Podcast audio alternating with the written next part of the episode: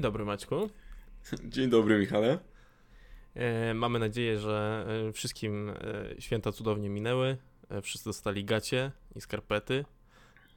Piżamę. Piżamę. No bo... Tak, to był mój prezent od babci. Zawsze dostawałem piżamę.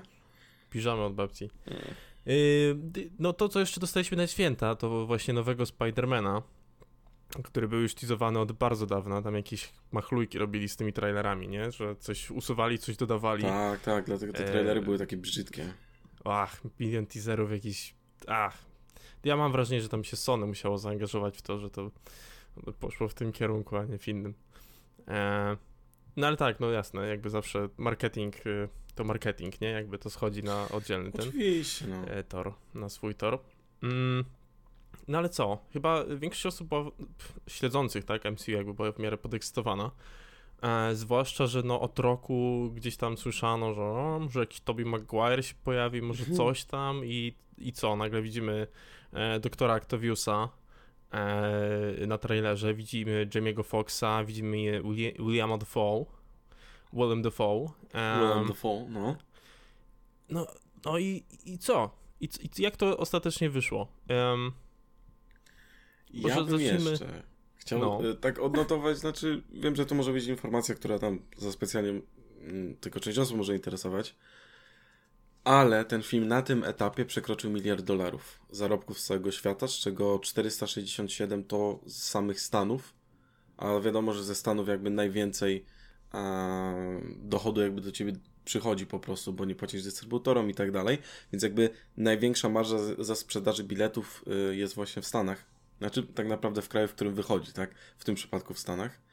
A, I wow, miliard dolarów. Znaczy, no to jest niesamowity wynik. Chciałbym przypomnieć, że mamy covid i dużo kin jest zamkniętych, albo duża, kin, duża ilość kin jest um, tylko częściowo jakby można obsadzać miejsca do iluś tam na przykład procent.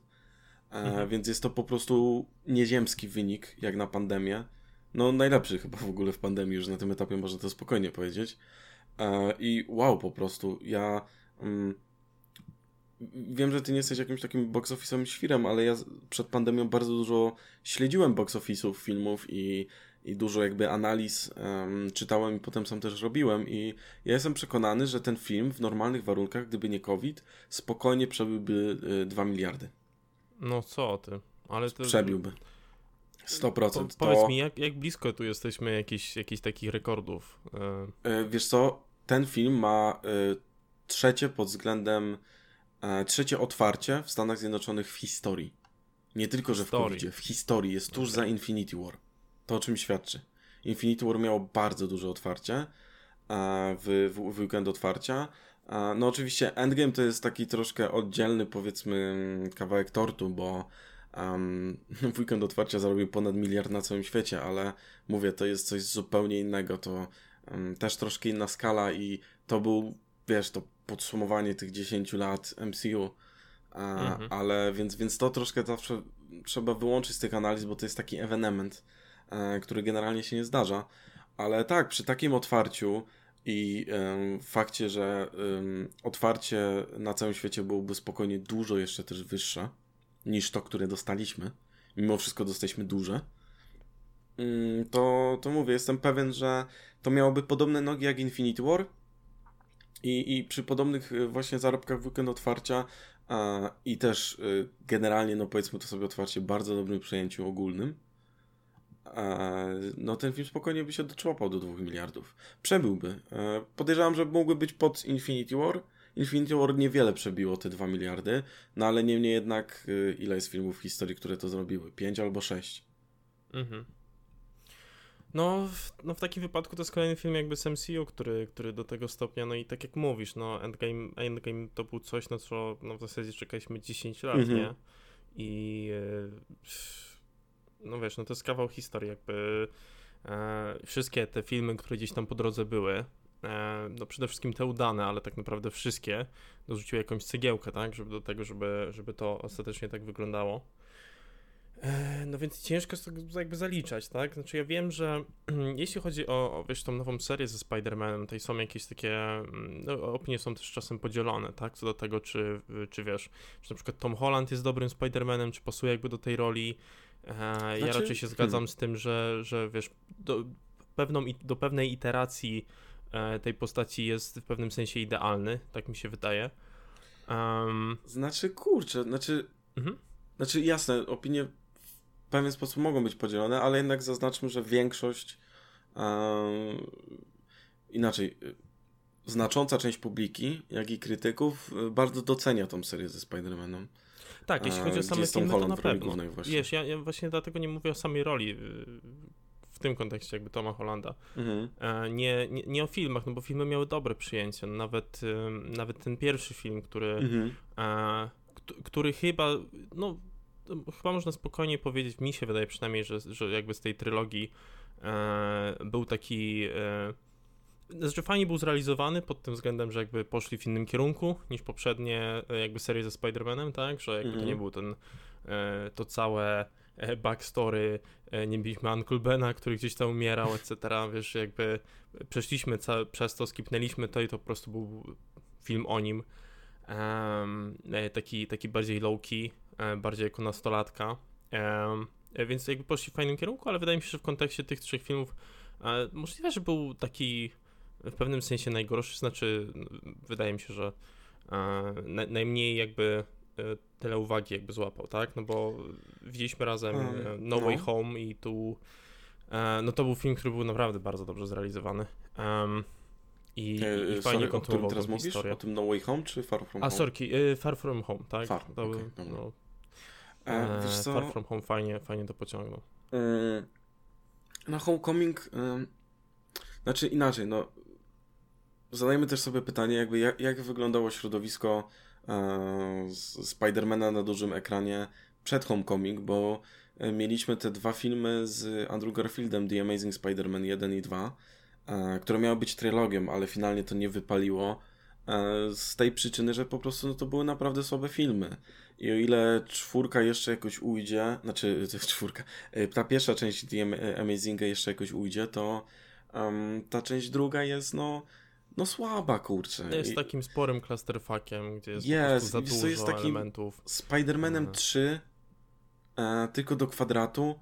E, jest to też film, który też zażarł bardzo duże pieniądze, e, a został przyjęty bardzo chłodno po prostu. E, I dlatego Sony zdecydował się nie kontynuować tej serii, ale mm, te Amazingi to też jest taki... Mm, z nimi też jest taka historia, że tak, e, po Spider-Manie 3, gdzie tam e, Sony jako studio bardzo wpieprzyło się Raimiemu w robotę, Raimi jak tylko miał okazję, to jakby po Spider-Manie 3 spieprzył z Sony i z projektu Spider-Mana 4 i, i The Amazing Spider-Man po prostu sprawa wyglądała tak, że Sony musiało je zrobić, żeby nie stracić licencji na tą postać i na te wszystkie asety z nią związane, tak? Te postacie związane ze światem Spidermana. Bo tak po prostu jest w kontrakcie. E, Sony ma prawa znaczy, do ekranizacji ja Spidermana. E, wiem też, że zanim, e, zanim poszła decyzja, że, że ma wychodzić po prostu The Amazing Spider-Man, tak? E, to wiem, że pierwszą iteracją miało właśnie być to, żeby zrobić kontynuację tej, tej oryginalnej serii. Tak, miała być czwarta e, część, bo trzecia tak. część zarobiła bardzo dobrze. E, została też paradoksalnie w porządku przyjęta przez krytyków i dobrze przyjęta przez publikę. A... Co jest dziwne, to jest absurdalne, naprawdę. Nie, nadal jest świeży pomidorek przy tym filmie, wow. na przykład na, na, na Rotenach. Czekaj, no są jakieś, jakieś Znaczy okay, nie, jakieś wiesz co, momenty, to jest najsłabszy film z tej trylogii Raimiego, no e, tak. ale to nie jest tak, że to jest poziom The Amazinga dwójki na przykład. Bo no. jest jeszcze dużo też um, dobrych rzeczy w tym filmie, tych, które chciał oryginalnie w tej części zamieścić w ogóle Raimi. I, i to po prostu widać. widać, które mhm. rzeczy zostały dodane, bo poszło takie przykazanie z góry, a na które Raimi miał faktycznie pomysł. I y, owszem, miał być projekt czwartej części, miał być też Sam Raimi. Sam Raimi spierdzielił stamtąd y, i zrobiono właśnie e, te Amazingi. E, tam chyba, nie wiem, Mark Webb y, się chyba nimi zajmował. To jest facet, który kręcił chyba e, wcześniej jakieś komedie romantyczne, tego typu produkcja. A niektórzy się śmieli, że dostał angaż przez nazwisko. I, no i mówię, i to były filmy, które po prostu musiały powstać, żeby Sony nie straciło praw, bo wtedy e, prawa te wróciły po prostu do wytwórni Disney. Um, i, i, i, taka I byłaby historia. Co, to jest, A to jest to marka, ogóle... która. No. Mhm. to jest w ogóle niesamowite, jakim behemotem, jakim strasznym bytem stał się Disney w tych dzisiejszych czasach. Wiesz co, jakby w kontekście, w kontekście tych rozmów o tym, jak w ogóle mówimy o tym, wiesz, trzeci film z takim box office'em w Stanach, e, po prostu tego, do tego stopnia zarobki, to jeszcze w takim momencie pandemii, to jest, mm. to jest wręcz, wręcz przerażające w pewnym sensie. A jakie filmy miały wyższe otwarcie? Infinity War, Endgame? No właśnie, do, dokładnie, no więc... E, to, A zaraz po tak Spider-Manie jest Force Awakens, um, także no... No, staram się o tym nie myśleć, e, tak samo śledząc w ogóle e, jakby co wszystkie jakby filmy MCU, tak? Staram się o tym nie myśleć po prostu. Hmm. Z tym, że no nadal Sony, znaczy Spider-Man należy nadal do Sony, znaczy oni mają tak, tam tak, jakiś tak. kontrakt z tym podziałem zarobków. Nie wiem dokładnie jak to teraz tam działa przy tym odnowieniu kontraktu. Wydaje ale mi się, tak, zarobki no. z filmu generalnie ma mm, cały czas Sony po prostu, tak? Jak jeśli, jeśli tak, któreś Spider-Man, to Sony jakby bierze to, Disney zgarnia na przykład y, kasę z takich, z takich pierdół, które są sprzedawane z merchu. Mhm, bo e, kiedyś też właśnie było, no, kiedyś też przy tym pierwszym kontrakcie, mm, który kończył się chyba z far, razem z Far From Home, a było tak, że też e, chyba tam 30% z weekendu otwarcia Disney dostawało i ileś tam się chyba też dokładali do budżetu. No ale mm, mniejsze o większe. Um, no ale e, jak, jak właśnie tak kończę już ten wątek Amazingów, no to były filmy, które zostały zrobione trochę na siłę. Sony to też jest... E, studio Sony filmowe to też jest takie studio, które w tamtym okresie było naprawdę źle zarządzane. I, I po prostu to też widać, to odbija się w tych filmach. E, coś ciekawe, to taka właśnie analogia do Spidermana 3, e, związana z The, z The Amazing Spider-Manem 2, gdzie popełniono te same po prostu błędy, które popełniono w trzeciej części Sama Raimiego. I jakby nic się nie nauczono na przestrzeni tych lat. Ale są to filmy, których na pewno dużo brakuje i z, z tych wszystkich Spider-Manów są zdecydowanie najgorsze. Mm, ale potem właśnie dostaliśmy tą, te filmy z Tomem Hollandem, E, który tam swój pierwszy występ miał w, w Civil War. E, potem pojawił się w tym Homecoming, a potem w Avengersach tak naprawdę tych dwóch behemotach kasowych. E, no i potem już w tych swoich jeszcze dwóch kolejnych solowych filmach i już jest zapowiedziana bodajże chyba kolejna trylogia. Mhm. Czyli kolejna, kolejna trylogia jeszcze z Tom Hollandem, tak? Jakby z tego co wiem, tak. Znaczy tam Tom Holland wypowiadał no tak, się, no bo... że nie będzie wiecznie go grał, ale no na pewno E, jeszcze spokojnie może. No 100%. Ja myślę, że jeszcze będzie się pojawiał spokojnie, wiesz, w innych filmach, jakby w kontekście MCU po prostu, tak? Tak, tak, na pewno. E, ale właśnie z, zaczynając może od, e, od tej trylogii, bo napomknąłeś już troszkę o, o Homecoming. Może przejdźmy też jeszcze prze, e, przez te dwa wcześniejsze filmy, mhm. znaczy jaki mniej więcej mamy do nich stosunek Żebyśmy też wiedzieli, z czym wchodzimy do dyskusji znaczy, o tym filmie. Znaczy, słuchaj, ja, ja generalnie to bym przed przez wszystkie filmy. E, o, tak? okej, okay. dobra.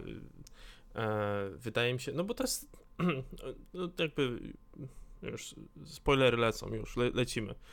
Włączamy e, te E, no ten film jest takim, takim trochę omarz do niego, tak jakby, znaczy pojawiają się, pojawia się tutaj masa elementów e, takich nawiązujących do tych poprzednich części. Mhm.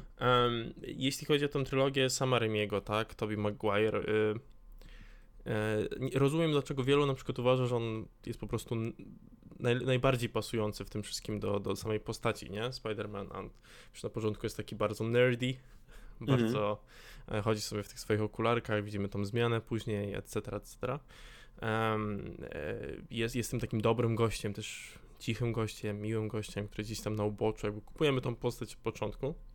E, no i gdzie pierwszy film był takim fajnym eksperymentem, który wyszedł, no to, chyba druga część to jest tą, która jest najbardziej doceniana generalnie, nie? To jest, to jest film, do którego można często no, wracać i tak. sama tam rola na przykład y, y, Molina. Andrew Moliny, no. No, kurczę. E, a, Alfred, Alfred, Alfred zagrał genialnego doktora Octopusa. E, nic dziwnego, że jakby fani przez tyle lat mieli sentyment. E, swoją drogą on zebrał tam dużo fanek też w ogóle w tamtym okresie. Wiesz, um, bardzo charyzmatyczny aktor również. Też, ale wiesz, no taki, miał taki trochę dadbat, ale w takim dobrym tak, sensie. Tak. E, wiesz co, ma trochę taki scen. Wracając jeszcze do tej pierwszej części mhm. Sama Raimiego. Um, sam Raimi był wielkim fanem um, Spidermana i bardzo chciał go również zekranizować. W tamtym okresie zresztą to nie było wcale takie oczywiste, że taki reżyser jak Sam Raimi dostanie tak duży projekt, bo przypomnijmy, to jest facet, który zrealizował niskobudżetowy horror Martwe Zło, Potem Martwe Zło 2, który jest de facto takim trochę rebooto sequelem, dziwnym tworem, bo... Komedią? Um, też, ale to jest też w ogóle... Um, taki jest przypadek z tym filmem, że wytwórnia straciła prawa do pierwszej części, więc nie można było używać na przykład e, wiesz... E, nie można było kontynuować tej przygody, trzeba było taki soft reboot trochę zrobić.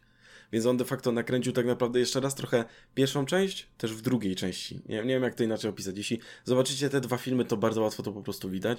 No i tą Armię Ciemności. No i jest to też reżyser, reżyser który wchodził w ciekawe projekty, ale to nigdy nie były projekty e, z wysokim budżetem. E, to był bardziej facet, który sobie cenił e, jakąś taką niezależność i, i operowanie troszkę na swoich zasadach. Oczywiście nadal z jakąś tam ingerencją studia, E, niemniej jednak o wiele mniejszą niż w przypadku tak dużych filmów, jakim był, były te Spider-Many. I dostał ten angaż. I to, co postanowił zrobić w pierwszej części, jako że był wielkim fanem tej postaci, to postanowił um, zrobić Spidermana, znaczy zekranizować przygody Spidermana tego, którego on pamięta, czyli Spidermana z lat 60. Jedne z jego jakby tych pierwszych rozsławionych komiksów. Dlatego ten pierwszy Spider-Man ma taki mocno e, sztampowy klimat i taką e, sztampową stylistykę. Bo takie były komiksy w tamtym okresie i on chciał po prostu oddać to w tej pierwszej części. E, I e, co by nie mówić, niektóre elementy się zestarzało. Oczywiście jest to film, który też już ma swoje lata. To, to, to mimo wszystko nadal jako origin story działa bardzo dobrze. A masz też tam dobrych aktorów zaangażowanych, bo przeciwnikiem jest William Defoe, który gra Zielonego Goblina. Mm, sceny akcji są ok. E, ten wątek romantyczny oczywiście to jest coś, co jest trochę bolączką w tych filmach Remiego. Ale wydaje mi się, że w Amazingach też jest mocną bolączką e, wątek no tak, romantyczny. Pisanie, pisanie kobiecych postaci to jest coś, co reżyserowie lubią najbardziej. Reżyserowie, kurwa, reżyserzy lubią najbardziej, najlepiej im wychodzi bardzo e, często. Ale wiesz, w ogóle to, na to nie narzekamy. To jest, to jest też kwestia tego, że po prostu no e, Raimiego to chyba nie do końca interesowało, mam wrażenie. Chciał się skupić trochę Jasne. na czymś innym, i, ale musiał też to w jakiś sposób zrealizować i to trochę widać.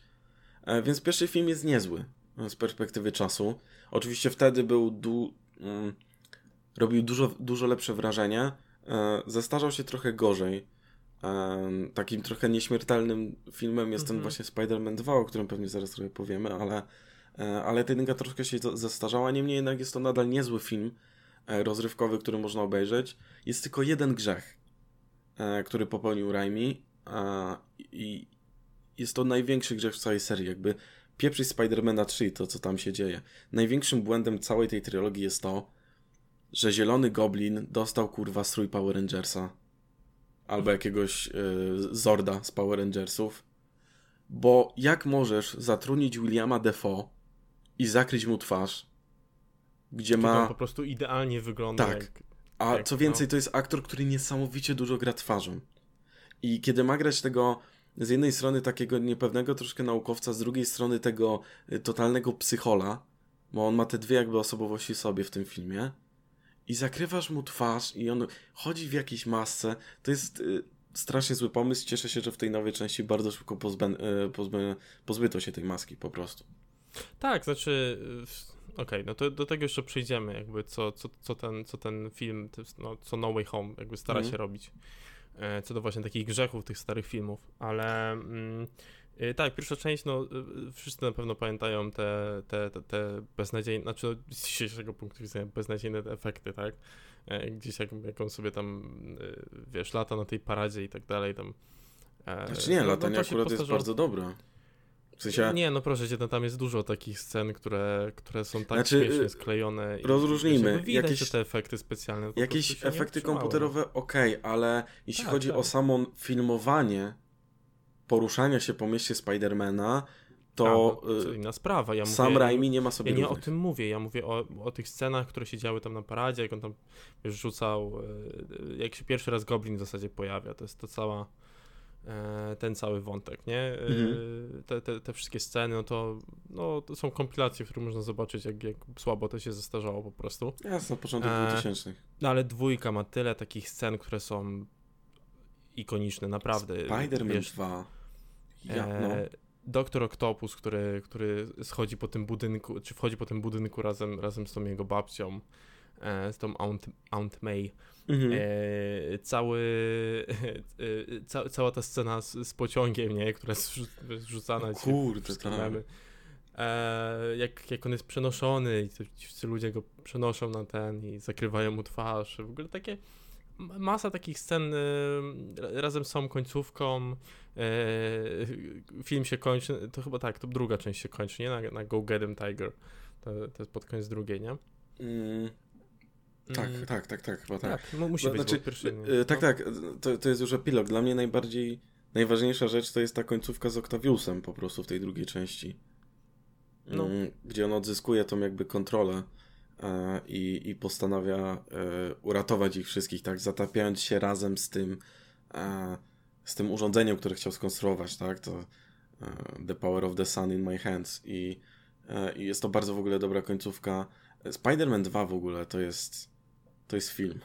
znaczy i to nie tylko, w, no oczywiście jest to jeden z lepszych filmów w ogóle w kontekście kina super, superbohaterskiego, jasne. To może ale... być równie dobrze najlepszy film w, w kontekście kina superbohaterskiego.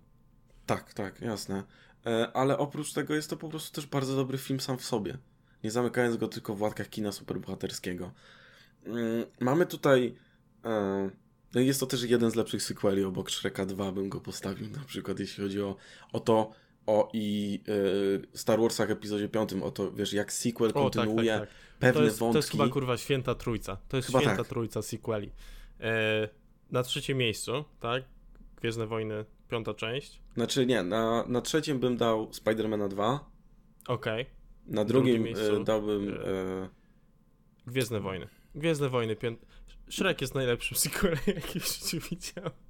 No tak, no, no znaczy nadal no, można to stosować w miarę wymiennie, po, mm, powiedzmy. Okay. Święta Trójca, wracając. Tak, ale, e, czyli ma, mamy film, który bardzo sprawnie i w ciekawy sposób odnosi się do pierwszej części, bierze jakieś wątki, które tam nie miały może całkowicie zamkniętego zakończenia właśnie i rozwija je w tym filmie, wprowadzając jednocześnie jeszcze nowe postacie, nowe pomysły i rozwijając też ten świat sam w sobie.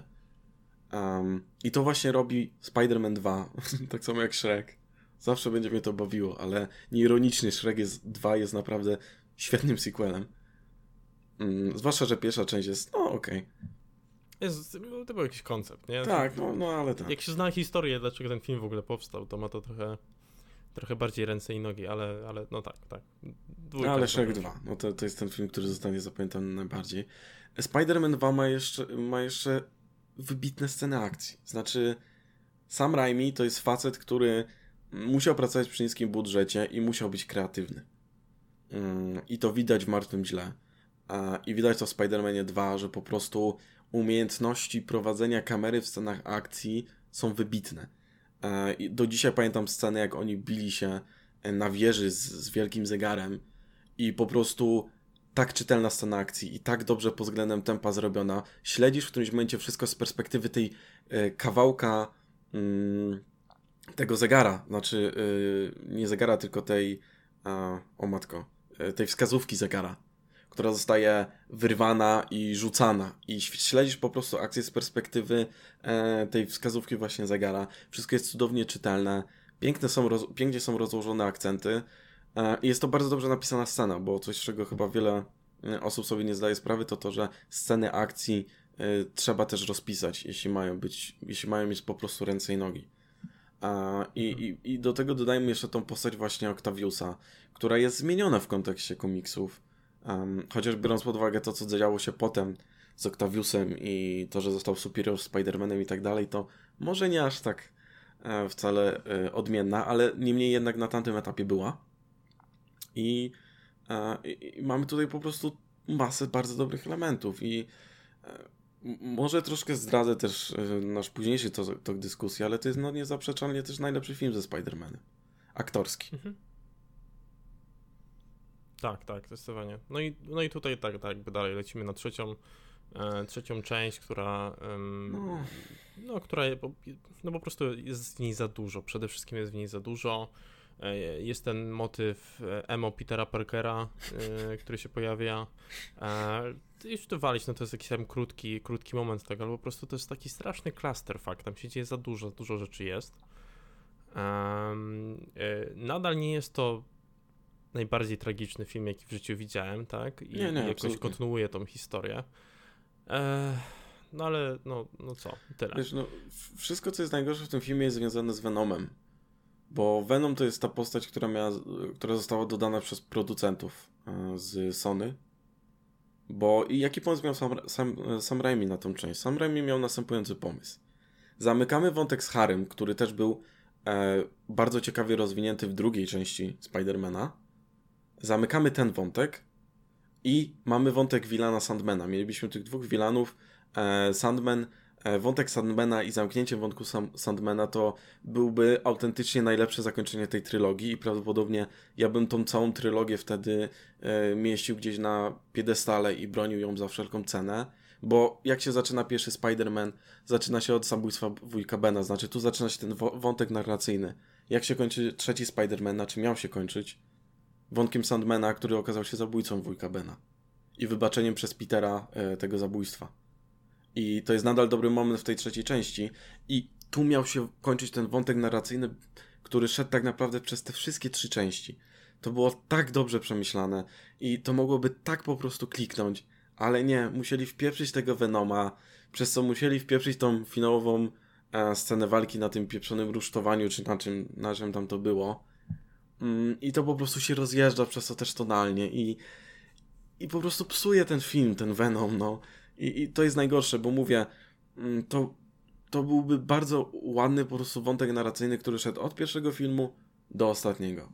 Odnośnie mhm. odpowiedzialności, odnośnie tego, że zemsta nie jest rozwiązaniem i odnośnie przede wszystkim też wybaczenia. E, nie tylko komuś, ale też i sobie. I... Tak, tak, to ten, ten wątek z Harem trochę jest taki tak. Pojawia I, się, coś tam się dzieje. E, I, I to jest po prostu. To by było cholernie dobre, naprawdę. Gdyby wyciąć.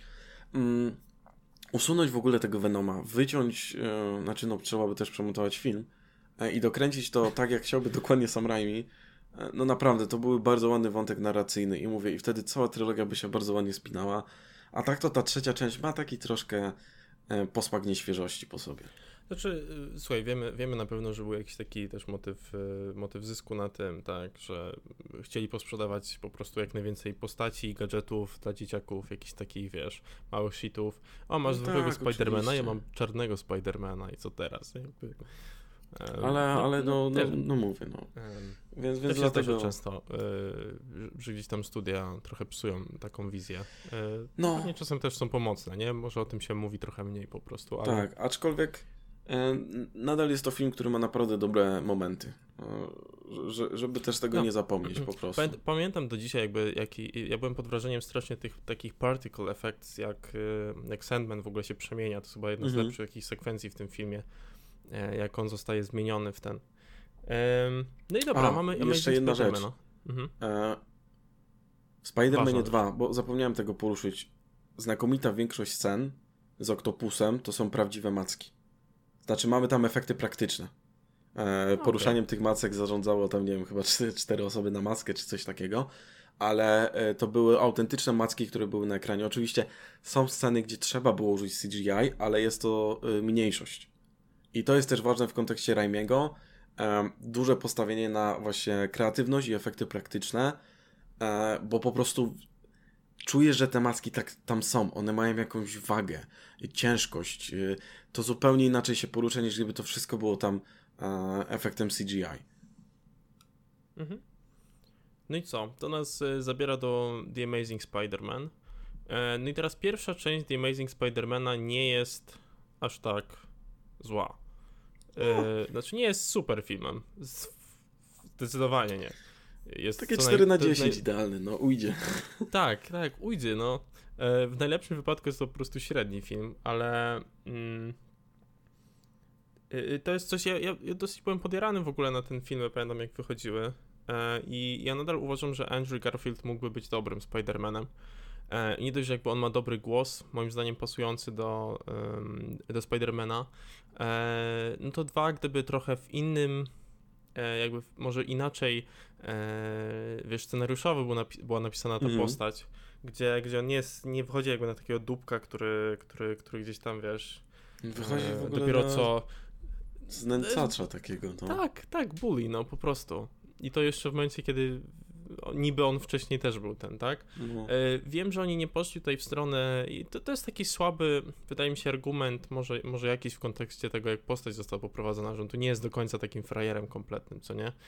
E, może to jest bardzo integralne dla niektórych. Ja uważam, że jeśli e, w założeniu mieli zrobić trochę innego Spidermana, no to go ahead, póki ta postać jest ciekawa i się trzyma kupy, niech tak będzie. Jasne, tylko jest inny problem. Um, tak. Problem jest taki, że oni dosłownie skopiowali yy, pierwszego Spidermana od Sama Raimi i no. sprowadzili troszkę właśnie innego Petera i nie zmienili nic. Tak, tak, tak. Więc tak. to jest ten, to jest coś, co się po prostu strasznie gryzie. Bo... No jasne, to w ogóle kogo interesuje i oglądanie drugi raz, jak Uncle Ben umiera, tylko w gorszy sposób. Tak, ale sama ta postać Petera, która nie pasuje do tego, jak ten scenariusz wygląda. Tak, tak, on powinien być, e, wiesz co, to jest Peter Parker, którego na przykład widzimy Eee, Jezu, jak się to, o teraz widzisz, zapomniałem jak się ta animacja nazywa, Spider-Man... E, into the Spider-Verse. Into the, into the Spider-Verse i tutaj mamy na przykład jednego, jeden z tych Peter, Peterów Parkerów, tak, który jest trochę mm. taki bardziej witty, no i, i to też jest akurat fajne w postaci Spidermana, tak, że on jakby to jest jakaś taka taktyka, w której on, on specjalnie zagaduje przeciwników, żeby e, wiesz, żeby, żeby, żeby wy, wy, wyciągnąć jakby z równowagi, e, powkurzać, czy, czy, czy wiesz, jako, jako część tej, no i to też jest taka integralna część tej postaci, nie? Mhm. I, I wydaje mi się, że w kontekście tego, no z Andrew Garfieldem to wychodziło lepiej po prostu, nie? Czy wyszłoby lepiej, gdy było tak poprowadzone. E, więc ja co do castingu akurat nie mam problemu, nie? Tylko, że ta postać jest po prostu tak e, średnio mm. pasująco do tego zrobiona, no i ta, ta, w tej kontekście tej historii. On też wychodzi trochę na dupka. E, e, no i tyle. No już przechodząc nawet do drugiego filmu. E, no Poczekaj, bo ja jeszcze faktycznie... o pierwszym trochę. Ja, ja tak, tak, ale to, trochę mieszam, bo po prostu e, brakuje mi przykładu jakiejś takiej sytuacji. Aha, aha, w pierwszej okay. części może aż tylu nie ma ale jak na przykład drugi film otwiera się z tym, że e, on specjalnie zagaduje kierowcę ciężarówki, a, a wokół widać, że on uderza w jakieś samochody mm -hmm. i mhm. prawdopodobnie ktoś tam mógł umrzeć. Mm -hmm. Ja mhm. takie, no chyba nie o to chodzi w tej postaci, tak? Że jakby e, on sobie musi pogadać, więc ileś tam osób umrze. E, no kompletna głupota, nie? Jakby... Tak i wiesz co, taki przykład z pierwszej części to jest też z Flashem, gdzie on tam rozwala kosz. To też jest taki moment o, teraz mam trochę mocy, to zobaczysz jak to jest. E, ale y, dla mnie takim bardzo znamienitym przykładem z pierwszej części jest ten, e, kiedy facet y, jakiś włamuje się do auta. I on już siedzi w tym aucie. I wiesz, zamyka mu te drzwi, on tam wyczoguje się przez okno i on potem przykleja go do ściany i po prostu bawi się nim, strzelając w niego tą siecią w te różne miejsca i tak dalej. I po prostu, wiesz, y, czerpie z tego radość, co jest straszne strasznie jest to w tym filmie pokazane. Co więcej, potem jeszcze z tym nożem do niego tam podchodzi. Jest taka scena, jakby zastanawiał się, czy go, nie wiem, nie zranić jakoś tym nożem. Znaczy, mamy to tak podbudowane częściowo i no, to, to, jest, to jest takie... No to on po prostu grozi, tak? Bo, a, on ma takie, o, masz szczęście, to się mogłoby skończyć dużo gorzej. Tak. Coś takiego jest, tak. E, no ale wiesz, ale to jak on ma takie. Ale widzisz, tam, tam jest, jest coś takiego, jak ten moment, kiedy wiesz, ten, ten gość wyciąga nóż, on ma takie, o nie, nie, tylko nie nóż, proszę. Wiesz, no jest coś takiego, że to mogłoby wyjść fajnie. I moglibyśmy dostać fajny kontrast do właśnie, do, do właśnie tego Spidermana gra, granego przez e, Maguire'a, nie? Mhm. E, trochę, trochę taką bardziej dynamiczną postać, no ale zmieńcie historię, no kurwa, no jakby to jest dokładnie to samo, co w pierwszym filmie Raimiego. Tylko gorzej. Dokładnie, bit, bit per bit, gorzej zrealizowane, mniej ma sensu, no i No i, i teraz tak. Moje problemy, znaczy tak w dużym, w dużym skrócie z pierwszym Amazingiem. Um, ja też nie mam jakby jakiś, e, nie przyczepiam się co do castu, Andrew Garfield z tych wszystkich aktorów jest w ogóle największym fanem Spidermana, żeby było śmieszniej. Co więcej, y, z tej trójki no jest też po prostu najlepszym aktorem. Więc ja, ja osobiście bardzo, bardzo czekałem kurczę na tą część i, I jest mi strasznie smutno, bo mówię, to jest najlepszy aktor i on mógłby dużo więcej pokazać w tym filmie. Gdy miał po prostu scenariusz e, i sensowny film, w którym mógłby wystąpić. E, efekty w tym filmie są paskudne. Ten film miał jakiś horrendalny budżet e, i efekty naprawdę, nawet już wtedy były kurczę straszne. Ten Lizard to, ty, ten, ten tragedia to wyglądało. Tragiczne, no. Um, wszystko tam musi być, e, dziać się nocą i musi być ciemno, bo wtedy popularne były Batmany Nolana, więc pomimo tego, że e, again, e, mamy stan już z pierwszego Raimiego, który jest takim sztampowym, kolorowym filmem, takim mocno kreskówkowym, to ta stylistyka kompletnie nie pasuje. Co więcej, ten strój Spidermana z piłki do koszykówki po prostu zdjęty. To wygląda strasznie. A, i, I mój największy ból tyłka, no to to, że jeśli cokolwiek, y, znaczy nie wiemy jak coś wyjaśnić, albo jak popchnąć jakąś fabułę, Oskorp. Wszystko w Oskorpie się dzieje. Pająki są w Oskorpie. E, Lizard jest z Oskorpu. Ten, e, ten właśnie to jego serum jest z Oskorpu. E, y, sieć, którą ogarnia Peter, jest skąd? Z Oskorp. I, I to po prostu wszystko jest wyjaśnione tym Oskorpem.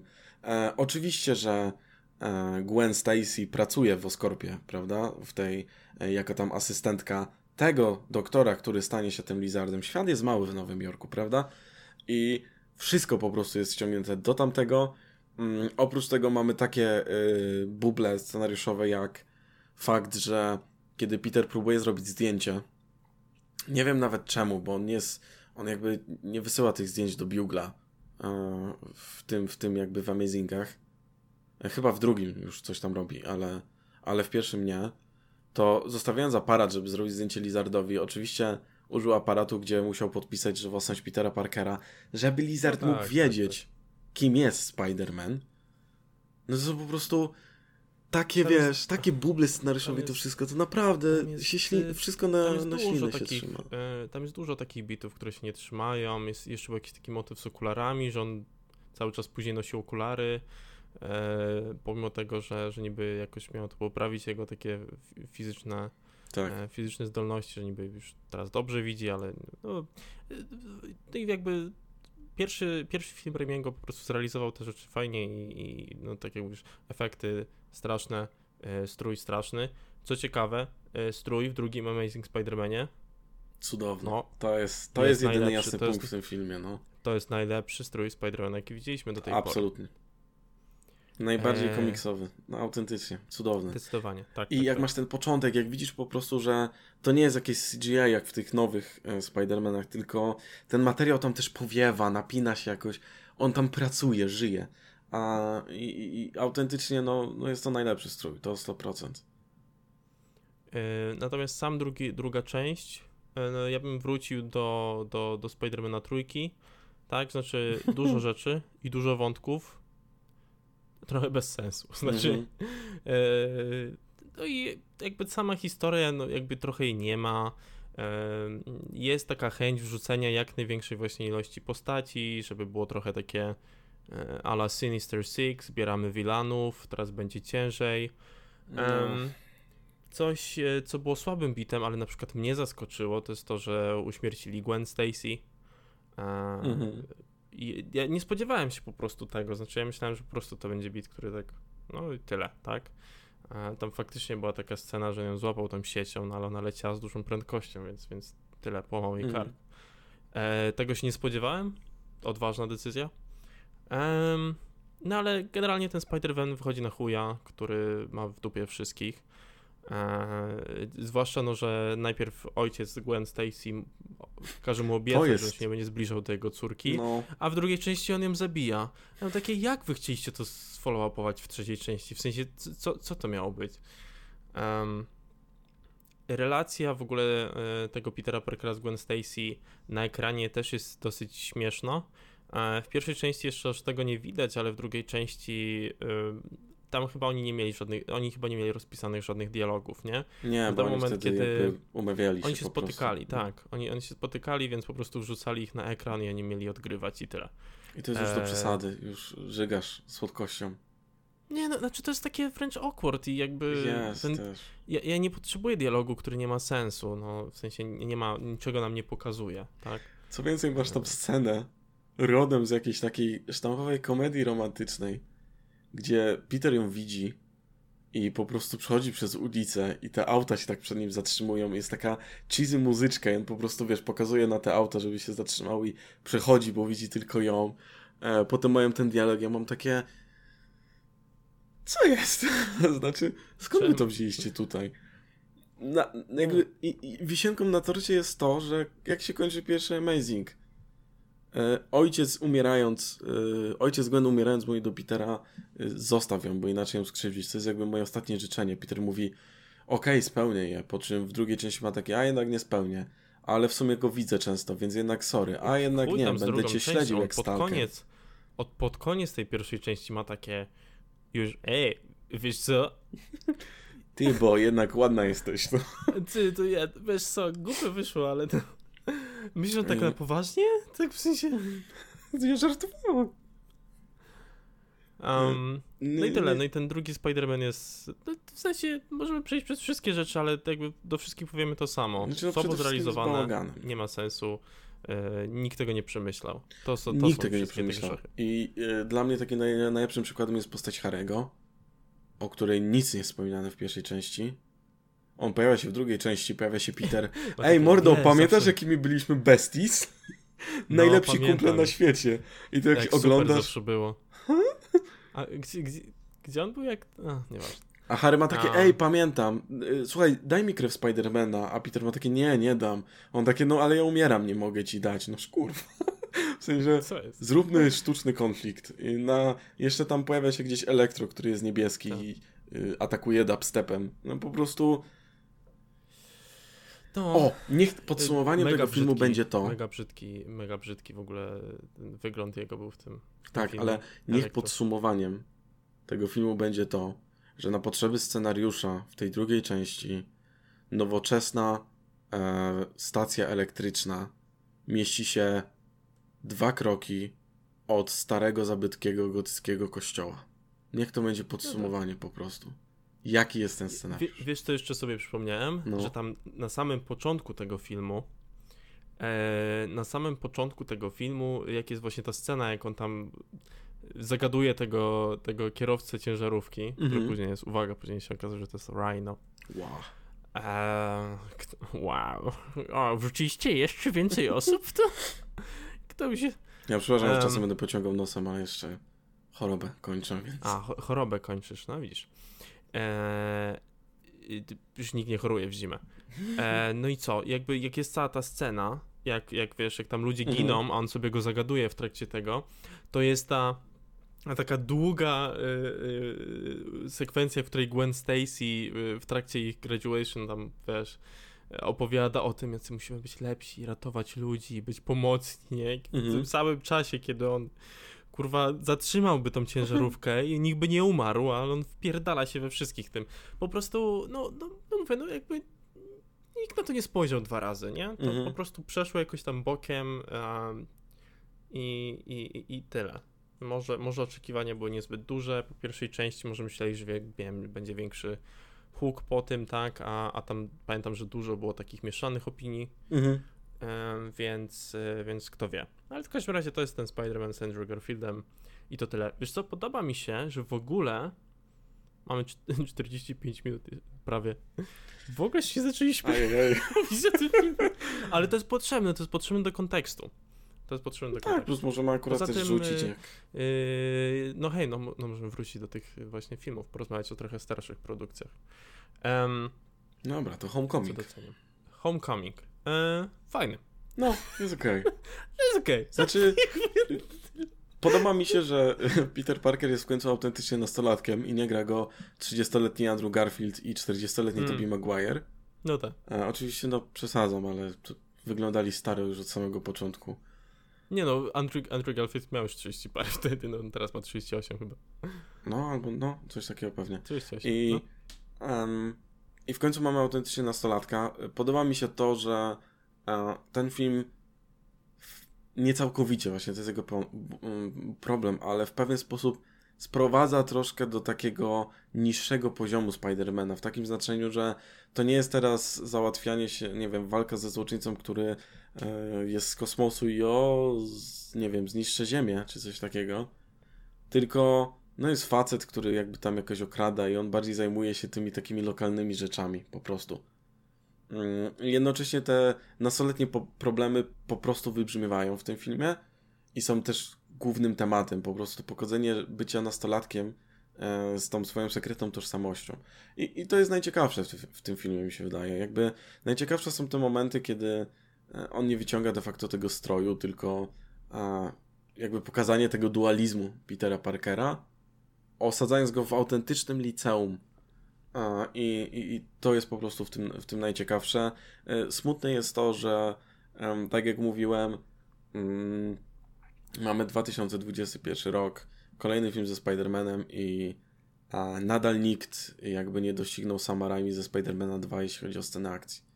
A, to też świadczy o wielkości tamtego filmu, ale jednocześnie jest też czymś, co mnie tak gdzieś boli, że jakby te sceny akcji no, bardzo nie mhm. domagają w tym yy, one są, one są takie bardzo typowe pod, y, pod, pod MCU, wydaje mi się. No to... No tak, tylko że właśnie często te sceny z takim... akcji są słabe w MCU, no i no tak, tak. No to i, to i tyle. No są tak samo realizowane. W kontekście na przykład MCU, jeśli chodzi o ten film, chociaż no faktycznie rozmawiam bardziej o, o, o filmach po prostu ze Spider-Manem, ale w kontekście MCU też ten film był ciekawy, no bo właśnie zobaczyliśmy trochę Loki, tak by mhm.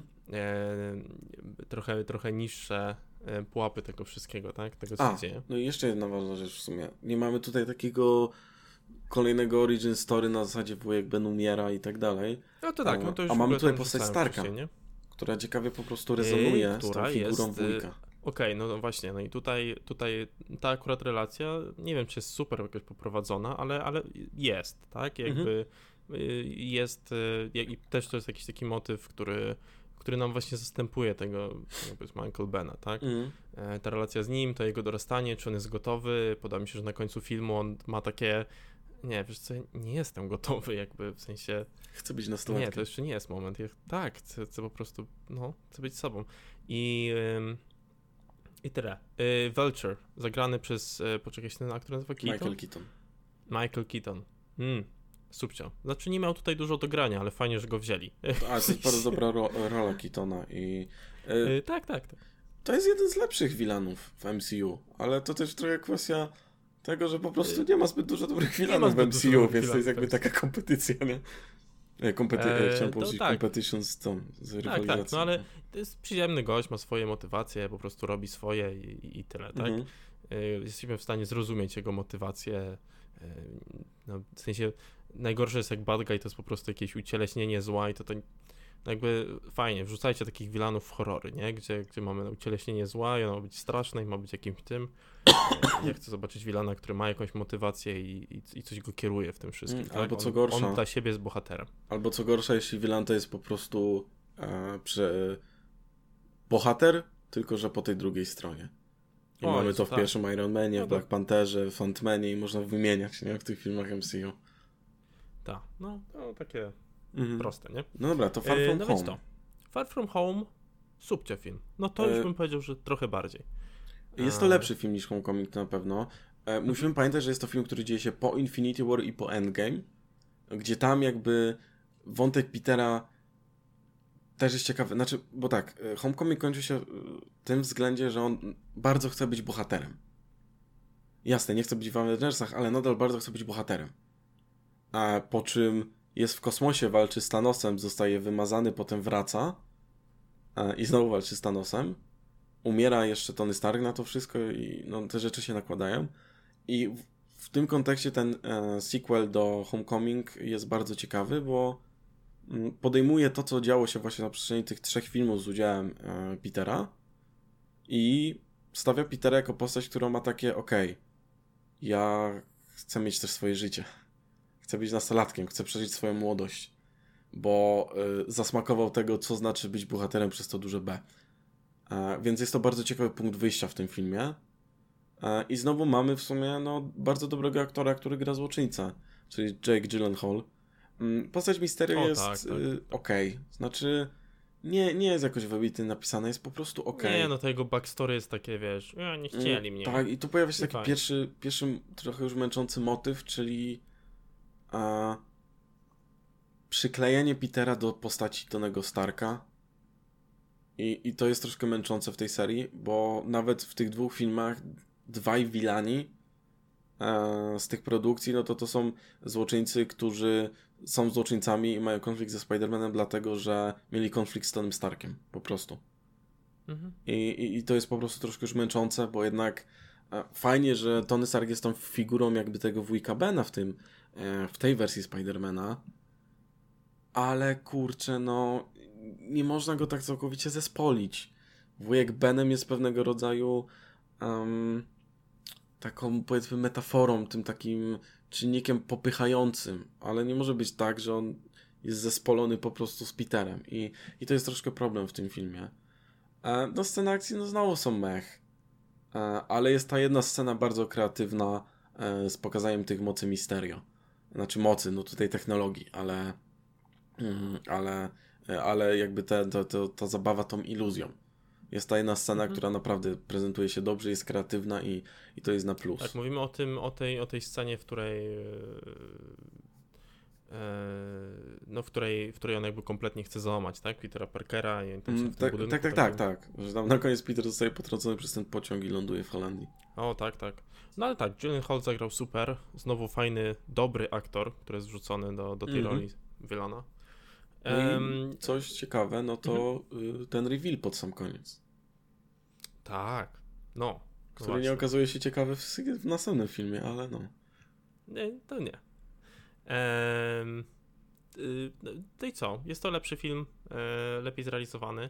Mhm. A, fajnie, znaczy ja w ogóle uważam, że to Far From Home było dobrym filmem i dobrym pomysłem w kontekście MCU właśnie, tak? Na, na, na zrobienie takiego kroku w tył po, po endgame'ie, e, bo, bo, wydaje mi się, że to dał radę osiągnąć, mhm. e, że, że stanęliśmy chwilę po tym, wiesz, po tym gigantycznym filmie, na który tak czekaliśmy, e, mogliśmy chwilę odsapnąć i, i, i zerknąć znowu trochę z tej perspektywy, wiesz, tego wschodzącego bohatera, nie, nie, nie części, wiesz, mhm. Avengersów. I tak, tylko wiesz co, coś, coś, co tak troszkę mi się gryzie z tym sequelem, to jest ta kolejna część, bo Infinity War i Endgame było filmami eventami. Mm. I Far From Home mówi, ok, zwolnijmy, nie? Przystopujmy, skupmy się e, troszkę bardziej w tych przyjemnych rzecz, e, przyziemnych rzeczach, opowiedzmy troszkę inaczej tą historię, jakby spuśćmy stonu po tym wielkim evencie, tym e, emocjonalnym buldożerze dla fanów MCU. Po czym mamy No Way Home, który ma takie lecimy evencik, kurw. No i wiesz. Ty jesteś w tym filmie, ty jesteś w tym filmie, ty jesteś w tym filmie. Ty jesteś w tym filmie. Ja mogę też, też jesteś w tym filmie. Też jesteś w tym ja, ja ciebie szukałem w tym filmie, mówię ty. Może mam cameo zaraz. No i i przez to mam takie odczucie, jaki był de facto pomysł na tę trylogię. Znaczy, no, no, no, to, to, do, dobre pytanie, ale ty rzucasz... Yy... Tak, rzucam też tobie i rzucam tak w ogóle pod, pod, pod może dyskusję, mhm. bo autentycznie to mnie zastanawia, bo jak, jak wspominałem przy okazji... Okej, okay, Amazingów nie liczę, bo to był y, trochę shit show, który dział się wtedy też w Sony. Co więcej, ta trylogia nigdy nie została w pełni zrealizowana. Ale w kontekście Raimiego y, zaznaczyłem tam, jak omawialiśmy jakieś pewnie pół godziny temu, te Spider-Many, mniej więcej ten wątek narracyjny i pomysł na całą tą trylogię, jaka, E, jaka miała po prostu powstać. Mm. Znaczy ja ci powiem, jaki jest motyw na tą trilogię. No. Dom. Dom. Jest w każdej tak, nazwie. W, w, każdej nazwie, prawda. Z Homecoming, Far From Home. Nie, no ale au, autentycznie po prostu się zastanawiam. Ktoś um. kurwa siedział i wiesz, miał takie ty, pa, co wymyśliłem, to się sprzeda. Ale autentycznie zastanawiam się, jaki był pomysł na tą trylogię, jaki jest wątek narracyjny, bo autentycznie y, moim zdaniem go nie ma.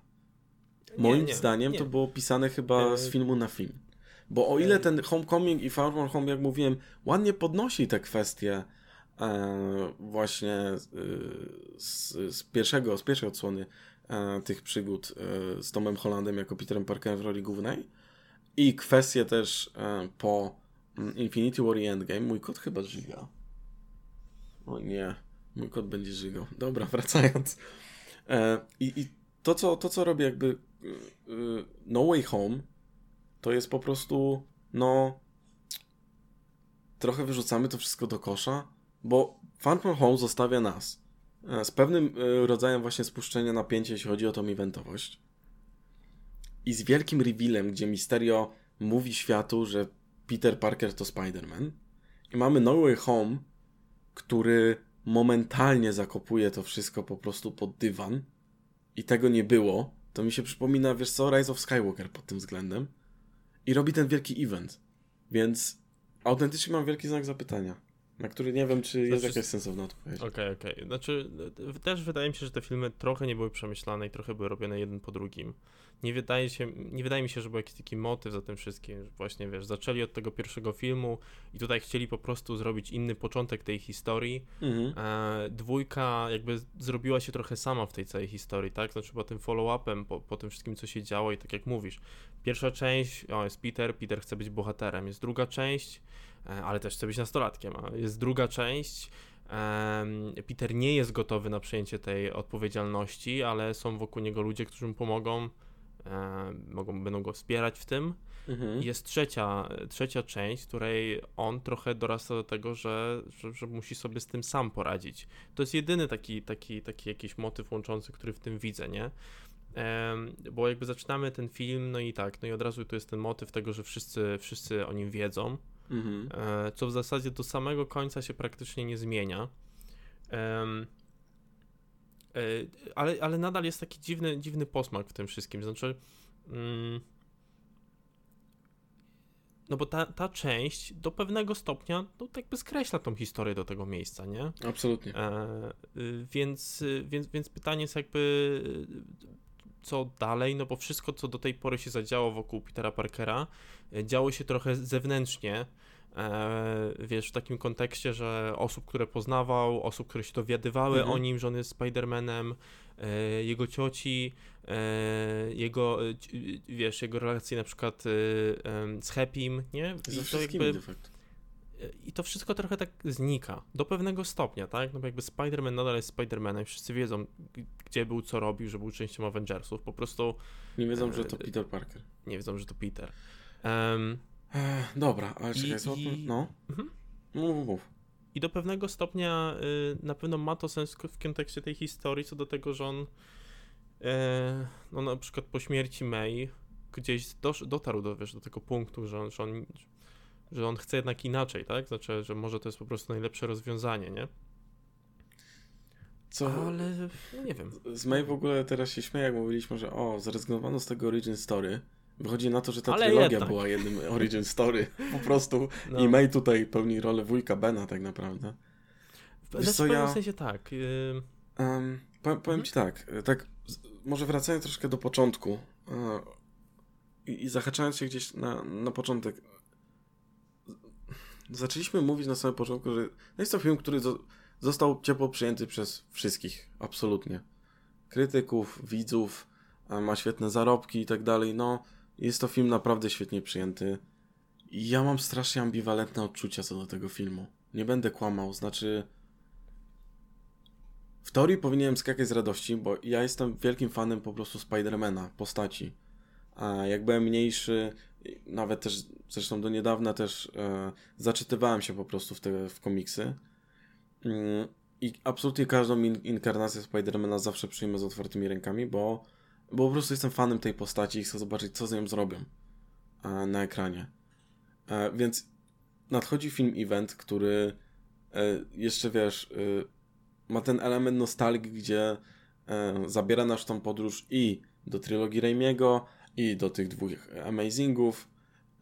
I mamy jeszcze Spidermana z Tomem Hollandem, więc w teorii na papierze wszystko jest, żeby jako fan się jarać. I owszem, ja w kinie trochę się jarałem jako fan, e, zwłaszcza, że e, będąc na tym, wiesz, pierwszym pokazie e, premierowym, e, siedziałem pośród absolutnie fanów, którzy, wiesz, kiedy pojawia się, nie wiem, Andrew Garfield, Tobey Maguire, czy e, Molina, czy e, Green Goblin, czy William Defoe jako Green Goblin, to po prostu klaskali I, mhm. i, i, wiesz, masz tą cudowną atmosferę siedząc w kinie, tak jak to było w przypadku Endgame na przykład.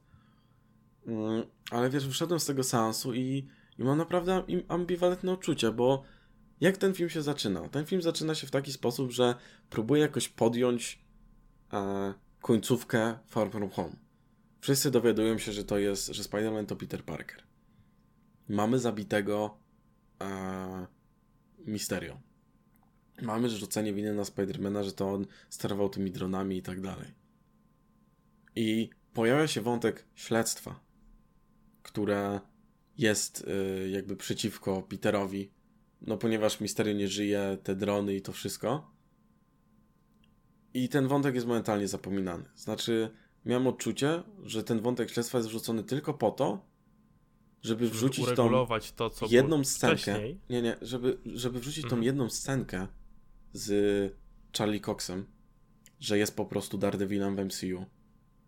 I ja się bardzo cieszę, że ten aktor konkretnie jest w MCU, ale autentycznie mam wrażenie, że ten wątek ze śledztwem i tak dalej był tylko po to, żeby on pojawił się na 30 sekund jako ten prawnik. No wiesz, no, no na pewno jeszcze jakimś powodem było to, że wiesz, musieli jakoś sfollow-upować tą poprzednią część. E, no i tutaj w ogóle szkoda, że właśnie to, co, co jest jakby za, za jakby tak za, hmm, e, co jakby za, zaczął e, ten, ten poprzedni film, tak jakby to, ta końcówka, tak, tego poprzedniego filmu, że tutaj to jest tak pogrzebane, nie? Znaczy to jest wykorzystane jako taki mały motyw, który, no bo nie to jest motywem. Nie, to jest gimmick w tym filmie. Tutaj, no to jest jakiś gimmick, który doprowadza do tego, jak to się dzieje, że Doctor Strange zaczyna, wiesz, rozwala ten wszechświat, powiedzmy, uniwersum. No tak, e, ale... Gdzie te postacie zaczynają się pojawiać po prostu. No i to jest główny konflikt, konflikt tego filmu, tak? Nawet nie to, że wszyscy wiedzą, kim jest Peter Parker. No tak, tylko um... kwestia jest taka, że po prostu a, ten film nie podejmuje wątków, które zaznaczył jego bezpośredni y, poprzednik. No o tym mówię właśnie. I, tak, i tak. to jest problem, bo jeśli chcieliby zrobić to przejście, to to przejście powinno być zrobione jakoś płynnie i mieć jakiś sens w kontekście też tych poprzednich części i, i tego, jak ten konkretny też film się otwiera. A to nie ma kompletnie znaczenia. Znaczy, to jest wrzucone na chwilkę po to, żeby po prostu e, no, zacząć jakoś tą historię i potem to jest zamiatane pod dywan. Nic się tam już nie dzieje. Jakby mhm. Peter po prostu nie dostaje się na studia, jest smutny, więc idzie do doktora Strange'a, żeby e, ten sprawił, że wszyscy zapomną, że Peter Parker to Spider-Man. No tak, to jest nawet rzucane jako żart, tak? tak. Że nie, nie próbowałeś się najpierw odwołać? Tak. I, i, i, I to jest ten problem. Znaczy, w ogóle scenariusz w tym filmie to jest jakiś totalny bałagan. A mhm. Ten film ma tragiczny scenariusz i a, ja wiem, że łatwo troszkę o tym zapomnieć, yy, idąc na przykład do kina i oglądając to wszystko, co dzieje się na ekranie i te emocje związane też z nostalgią i tak dalej, ale jeśli wyjmiemy sobie scenariusz z tego filmu, to nie ma absolutnie kurwa sensu.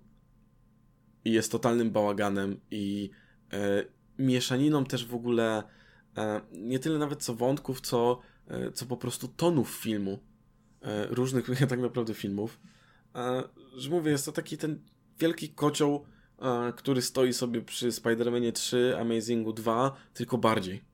Pod względem bałaganu, jaki dzieje się scenariuszowo w tym filmie. I, i to, hmm. to jest coś, co autentycznie mnie boli, bo scenariuszowo ten film nie ma absolutnie sensu. No fabuła jest trochę takim niczym, Nie ma tak? sensu. Y, jest... Ja ci mogę stracić fabułę, fanserwis i to jest już... No, no dobra, dobra. E, po kolei. E, y, jeśli, jeśli, jeśli o mnie chodzi w tym kontekście, znaczy tak, no bo fakt i coś, co tutaj ma sens, tak, e, to, to chociażby kwestia tych postaci, które się pojawiają różnych, tak, znaczy e, to jest taki sam plus, jaki mamy w kontekście na przykład Endgame'u, że, że pojawiają się postacie, które znamy. E, ma to jakąś większą wagę, tak, znaczy jeśli jesteś fanem tej serii, czy, czy po prostu postaci Spidermana, oglądałeś te wszystkie filmy, e, to tutaj nie, nie jest wymagane przedstawianie wszystkich. To nie jest powiedzmy ta sama sytuacja, o której mówiliśmy w kontekście Spidermana trzeciego, czy, czy Amazing Spidermana drugiego. To jest sytuacja, w której te postacie znamy do pewnego stopnia, tak? One już zostały znaczy, nam przedstawione i one ja się po prostu pojawiają. Kłócił, bo to są jednak postacie z innych e, franczyz filmowych. No oczywiście, no ale wiesz, no ale ym, mówisz o innej franczyzie filmowej, no jakby y, filmy, które były przed Endgame'em, to też były Nie, to była Różne sama serie. franczyza. no, okej, okej, no Nie, no to wszystko okej, istniało wszystko w jednym medium. konkretną... W sensie w tym swoim takim uniwersum. I ten film to rozszerza, ale y, jednak w jakiś sposób minimalnie chociaż musi wprowadzić. I tam są na przykład dialogi, które o tym świadczą. E, E, No dobra, no ale założenie tego filmu jest takie, że, że tutaj pojawiają się postacie właśnie, właśnie z poprzednich tych, no. Na takiej zasadzie trailer jakby nas przyciągał, tak? Bo ale, też, ale też wprowadzamy ich troszkę E, od nowa. W sensie dla nowych widzów one też są wprowadzane w jakiś sposób. Minimalnie na pewno, tak, tak. No są. Coś, co, co bardziej może w kontekście bliżej tego, o czym mówiłeś, o, ty, o tym cytowaniu, nie? Mhm. C- coś, co mnie bardziej zirytowało w tym kontekście, no to, no wiesz, no jakby fajnie jest, jak się pojawia coś takiego, jak jest to oczko puszczane, nie? Em, no tutaj to się pojawia cały czas i, i jakby e, zawsze to jest trochę tak, że leci sobie film, leci, jest stop, jakiś quote, Tak.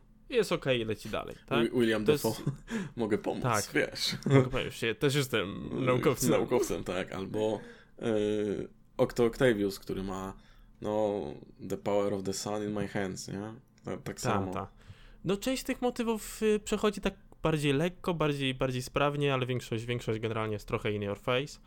Um, e, no, no i t- to jest coś, no wiesz, mi się wydaje, że trochę, trochę ten film e, filmem ciężko nazwać. E, jest, jest może trochę takim małym czy większym omarzem po prostu dla, dla samej serii, czy ma być takim, tak? Takim powrotem, e, gdzieś tam nawiązaniem. No bo na przykład w kontekście e, tego, co mówiliśmy wcześniej o postaci Williama Defoe, nie? że jakby Mhm. e, coś, czym zjebali w tym pierwszym Spider-Manie to jest to i to dużo osób na to narzekało, nie? Na ten jego strój, No który był taki do tak. dupy, że kompletnie nie było widać jego twarzy. Co tutaj się dzieje? Chwilę po tym, jak się pojawia, on rozwala kompletnie tą maskę. Tak, i to jest super. Em, Zajebiście, no o to właśnie chodzi. Mamy Octaviusa, która wraca, który wraca, e, którego poznajemy no, taką alternatywną historię. Co by było gdyby, tak? On jednak, jednak ostatecznie e, po- pokazał się z tej dobrej strony i to idzie bardziej w tym Znaczy on kierunku. się pokazuje w drugim Em. Spider-Manie, właśnie na sam koniec też. Na samym końcu, tak, tak, ale Tak no nie jest. widzimy go już w późniejszych interakcjach na przykład, Tak, tak? e, tak, tak jasne. Em, e, mamy, e, mamy te interakcje pomiędzy, które ja na przykład uwielbiam strasznie, te interakcje pomiędzy Tobim Maguirem, e, Andrew Garfieldem i Tomem Hollandem mają jakiś taki swój urok. Ciężko jest w ogóle e, temu zaprzeczyć. No nawet jeśli, e, jeśli są jakieś tutaj właśnie takie cytaty, czy jakieś ten, e, każdy pokazuje się jako swoja postać z innej strony, trochę z innego kierunku za, zaaranżowana. Za, no, gdzie, gdzie na przykład ja tutaj strasznie lubiłem An- Andrew Garfielda, bo on dał z siebie naprawdę dużo. zatrzymajmy się Em. chwilę przy tych trzech Spider-Manach może, jak już przy nich jesteśmy akurat. Ja absolutnie kocham, jak bezprece- bezprecedensowo oni zostali pokazani. Znaczy, Jak najbardziej. przyprowadzenie do tego filmu, ej, patrz, mogę otworzyć portal i przychodzi ten Andrew Garfield. To jest... Yy... hmm, może tak. A, jak już mówiłem, to jest najlepszy aktor z nich wszystkich. I po tym filmie e, pierwsza rzecz, która nasuwała mi się nawet w trakcie oglądania tego filmu, matko, jakbym chciał zobaczyć celowy film z tym Spider-Manem. W sensie, autentycznie on jest tak cudownie neurotyczny i jednocześnie tak, wiesz, złamany też. I zresztą jeśli chodzi o Spider-Manów, to y, on ma jakiś autentycznie wątek. Y, też y, jakiś tak troszkę mocniej powiedzmy zarysowany.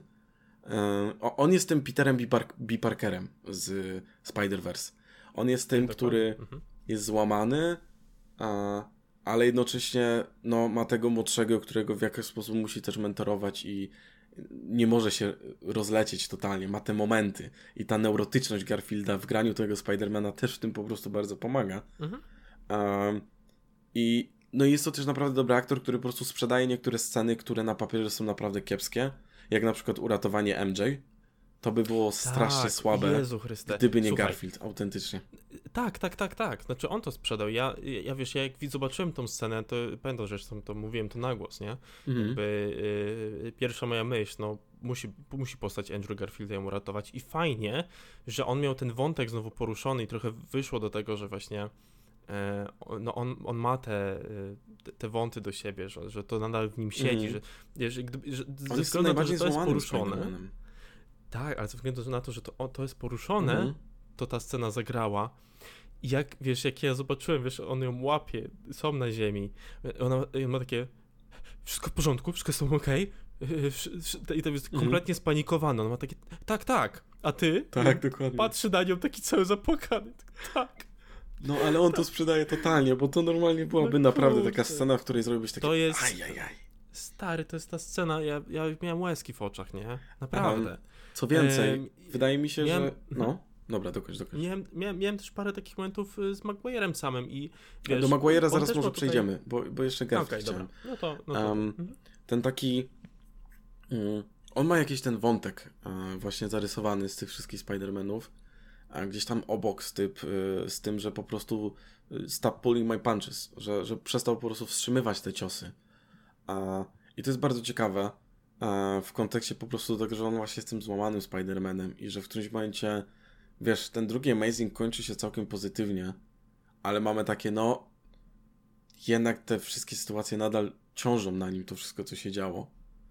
A, i, i, I troszkę przez to się może zmieniać. Mój problem jest taki, że troszkę nie odczuwamy tego w samym tym filmie. Znaczy, on, jak się pojawia, to on nadal jest tym właśnie neurotycznym takim. Um, wiesz, all over the place, takim miłym też tym Spider-Manem. I to jest powiedziane tylko i wyłącznie przez ten dialog, więc to jest takie coś, co mnie ciut boli. Ale no mówię, ten e, Garfield naprawdę sprzedaje, e, sprzedaje te, e, te sceny. I ja, ja w którymś momencie miałem. Zaśmiałem się trochę sam do siebie, bo jak jest ta finałowa scena, znaczy jedna z tych finałowych scen, gdzie on po prostu rzuca to serum dla goblina. Mhm. Um, ja nie widziałem, co on rzuca. Mówię, ty, on mu kostę rzucił, żeby go zajebał. No jak nic, nie? W sensie, wiesz, on ma takie... Przestałem się hamować i brakowało mi, żeby on rzucił jakąś kostę i miał takie dawaj go! Kończ z nim! I wiesz, i po prostu, żeby tamten zabił go. Ale tak... Y, poza tym jakby, no... Y, jest to autentycznie y, najciekawszy ze Spider-Manów w tej części.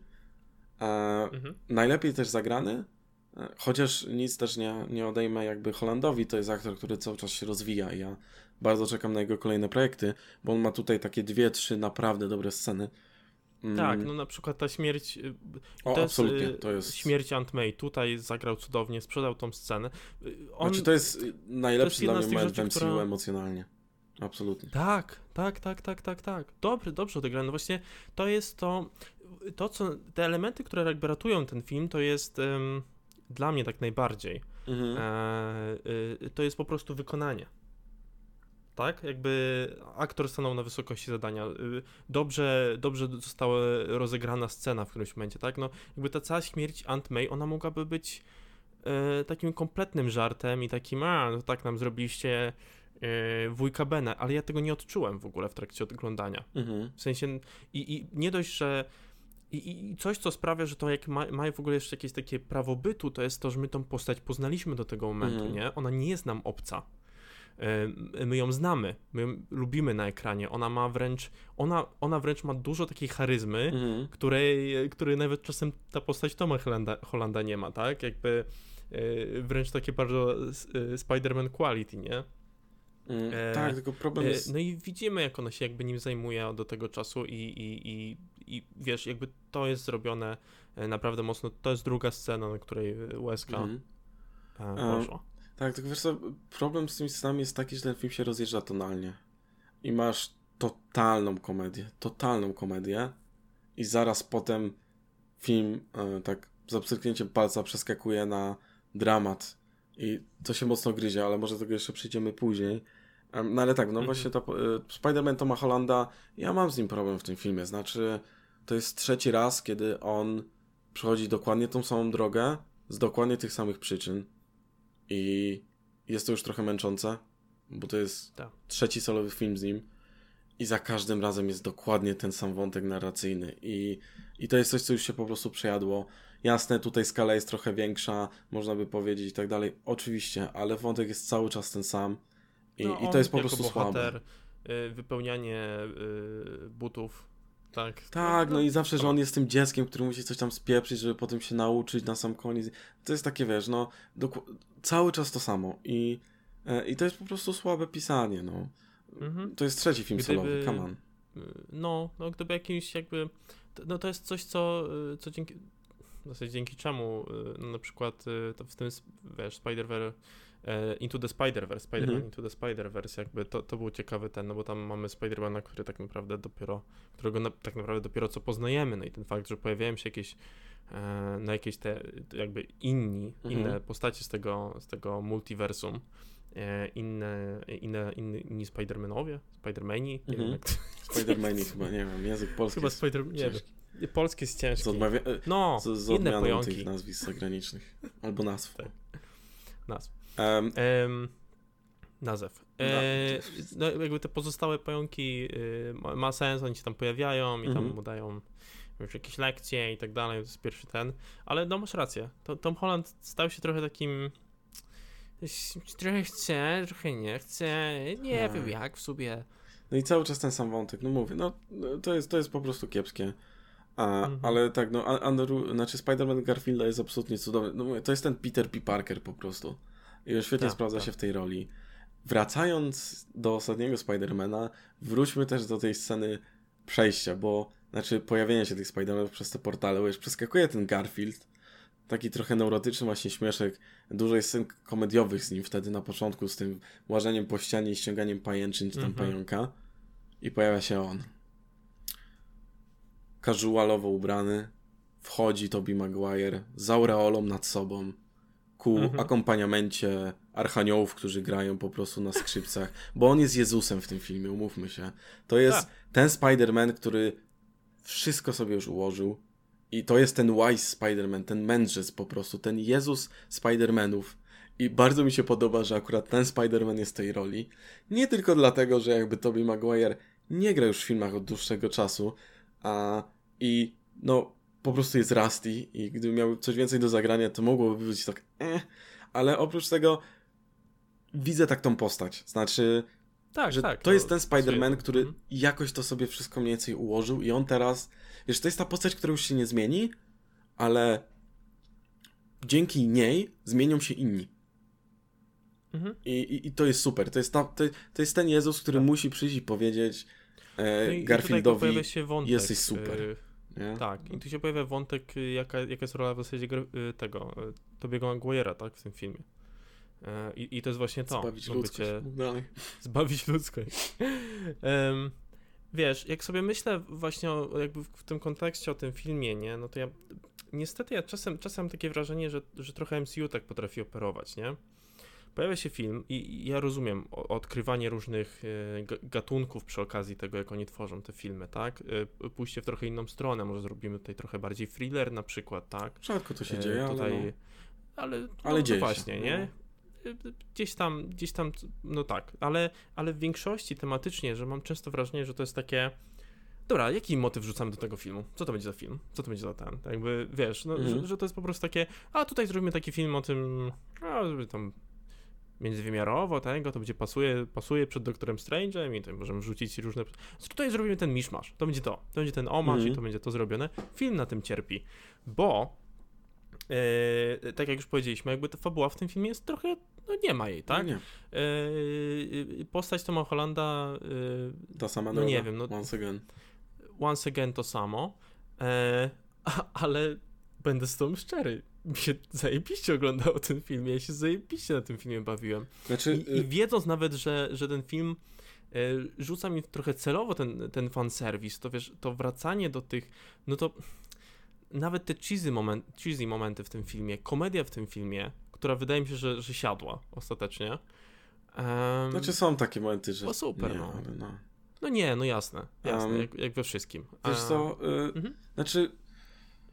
Oh, wiesz, ja też generalnie dobrze bawiłem się w kinie, ale też troszkę taką moją robotą wydaje mi się, jak jakiegoś takiego krytyka jest po prostu to, żeby um, trochę odłożyć to moje fanostwo.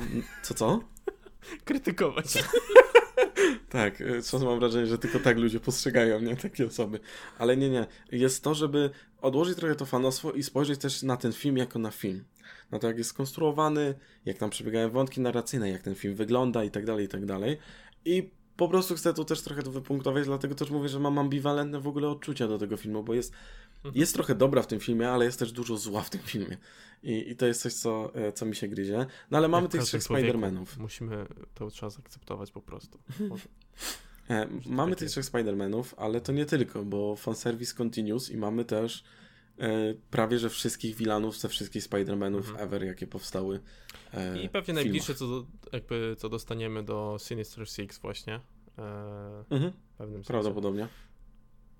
Um, I teraz jak wypadają no. wilani, bo mamy Goblina, który jest jakby tym głównym przeciwnikiem i tutaj faktycznie wypada to sensownie. Znaczy w jednym z wywiadów e, Andrew Molina i, e, i William Defoe powiedzieli, że oni, wiesz, zgodzili się wziąć udział w tym projekcie, bo wiesz, to są aktorzy, którzy mówi się, oni nie potrzebują hajsu e, na tym etapie. To są aktorzy przez duże A, znaczy to jest triple A aktorstwa. Tych dwóch typów po prostu. E, najwyższa liga. I oni autentycznie nie, nie potrzebowaliby wracać do, do tego projektu tak y, po prostu, żeby zarobić więcej siana, bo mają już za sobą też po prostu wiele, wiele lat grania. Um, jeden i drugi powiedzieli, że po prostu um, scenarzyści, no i w ogóle jakby cała ta ekipa przyszła do nich z pomysłami na troszkę kontynuowanie i rozwinięcie a, tych postaci, które oni grali i też domknięcie ich w jakiś sposób. I wydaje mi się, że mm, w przypadku Goblina to autentycznie działa, znaczy rozwinięcie jego wątku i, a, i w końcu skupienie się na tym, że to jest, wiesz, przede wszystkim to jest szalona persona, a po drugie jest to naprawdę niebezpieczna postać. Tego aż tak nie czuliśmy w pierwszym Spider-Manie od Raimiego.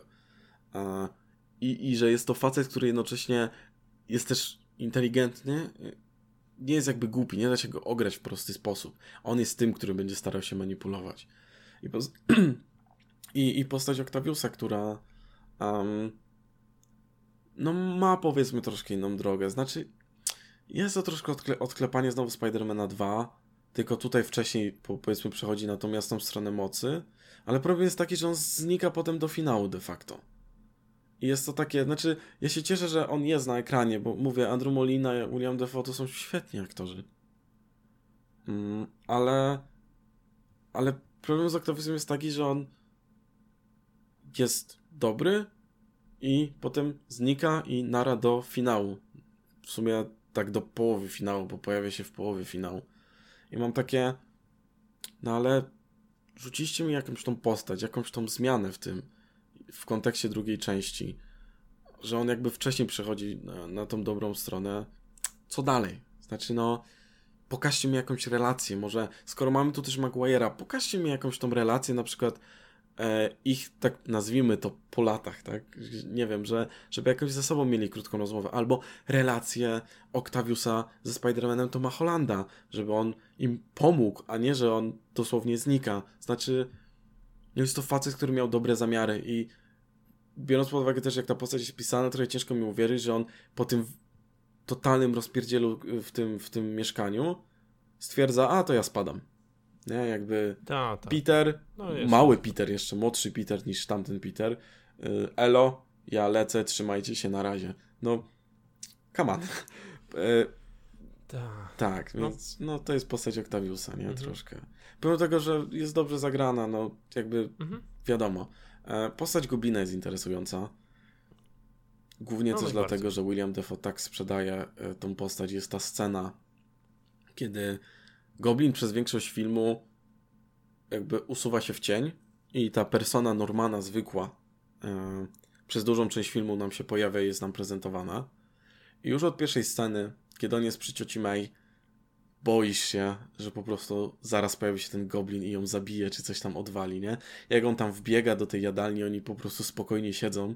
Ja mam takie, coś pierdyknie, coś pierdyknie, coś pierdyknie, cały czas po prostu. Więc jest to fajnie zainscenizowane, biorąc pod uwagę po prostu jaka ta postać była wcześniej, w tych też wcześniejszych filmach. I absolutnie topowym elementem tego filmu, topową sceną jest ten moment, kiedy pajęczy zmysł Petera szaleje i ten mhm. Norman, który, wiesz, jest taki wycofany, trochę się boi, jest niepewny, tam dostaje tą siecią i nagle po prostu, wiesz, za pstryknięciem palca William Defoe zamienia się totalnie w tego psychola. Na tym, wiesz, w tym jednym dosłownie momencie, od razu, od tak. To jest tak dobrze zagrane, po prostu fenomenalne. No i to, co dzieje się na tej twarzy, niesamowite. I coś, co muszę oddać temu filmowi, to to, że tutaj Goblin naprawdę jest wysokim zagrożeniem i oddany jest, czemu to jest jeden z głównych złoczyńców e, w, w komiksach. Bo tutaj czujesz autentycznie, że to jest facet, który ma jakieś to super serum i czujesz mhm. siłę tych ciosów. Oj, tak. A jednocześnie też no... siłę psychiczną, którą on wywiera mhm. na Peterze. I tą manipulację. No tak, no. I siła tych ciosów właśnie fizycznych w połączeniu z tym psychicznym to, to daje te, to daje taki efekt po prostu, że czujesz to niebezpieczeństwo w tej całej sekwencji e, w tym apartamencie po, po tym revealu właśnie, że pojawia się goblin. Mhm. I te sceny w ogóle walki, y, może nie, nie, ta choreografia nie jest jakaś niesamowita no nie, nie, we wszystkich momentach, ale, y, ale, ale faktycznie czuć tą wagę tych ciosów mhm. i, i mięsistość jest, jest pod tym względem jest to fajnie zrobione, a to też jest ważny element y, tego. E, no tak samo ta, ta ostateczna y, scena, w której mamy tego Toma Hollanda, który, wiesz, zaczyna go mm, naparzać po twarzy. I to jest ten dobry moment też aktorstwo od Hollanda, z który tak się e, wybija. tak, tak, tak, tak. Ten moment wściekłości e... tam naprawdę. E, no bo wiesz, no w sumie tak jak mówiłeś o tym Goblinie, nie? No to jest, to jest jakiś taki mirror tej postaci Spidermana, tak? Gość, który ma jakieś tam w miarę specjalne umiejętności i jest też dosyć inteligentny, ale core jest trochę inny, nie? Mhm coś, coś innego nim kieruje. Ale wiesz, ta mm. scena ta finałowa, jak on go tam bije, on cały czas się śmieje, to jest, Jezu, dreszcze, naprawdę. Tak. Mm, ale, e... no. Mhm. E, jeśli chodzi, e, no właśnie, bo tak mówiliśmy o Wilanach, nie? Mhm. I zaczęli, zatrzymaliśmy się na tym Williamie Defoe. Trochę powspominaliśmy e, o, o tej postaci Octaviusa. No jeśli chodzi o resztę Wilanów, no to oni tak po są. prostu są tutaj, tak. nie?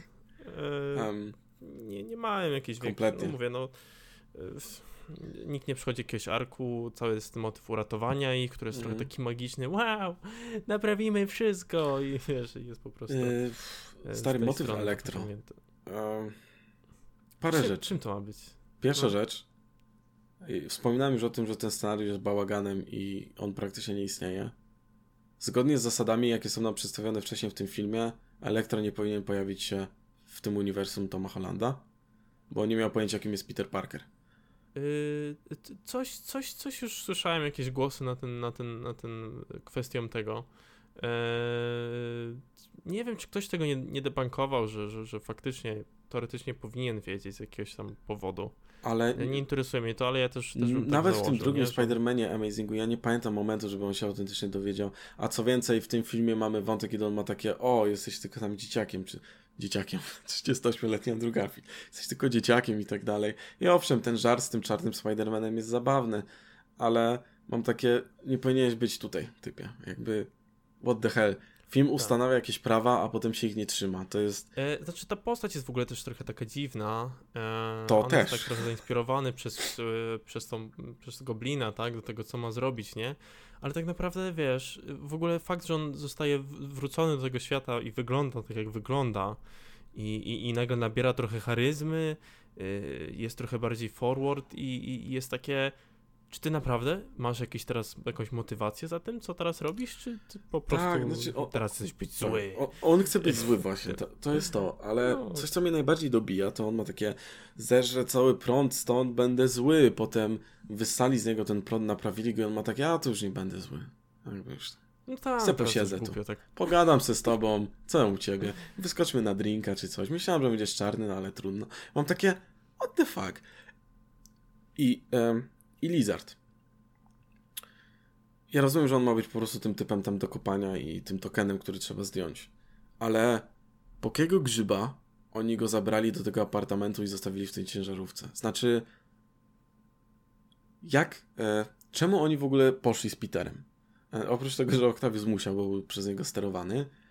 E, Norman, no to był tym dobrym Normanem i chciał się uleczyć. Mm, no ale na przykład czemu Elektro tam poszedł? E, i Sandman, bo on miał takie, ej, uleczę was i wtedy wysiamy was z powrotem, bo inaczej umieracie.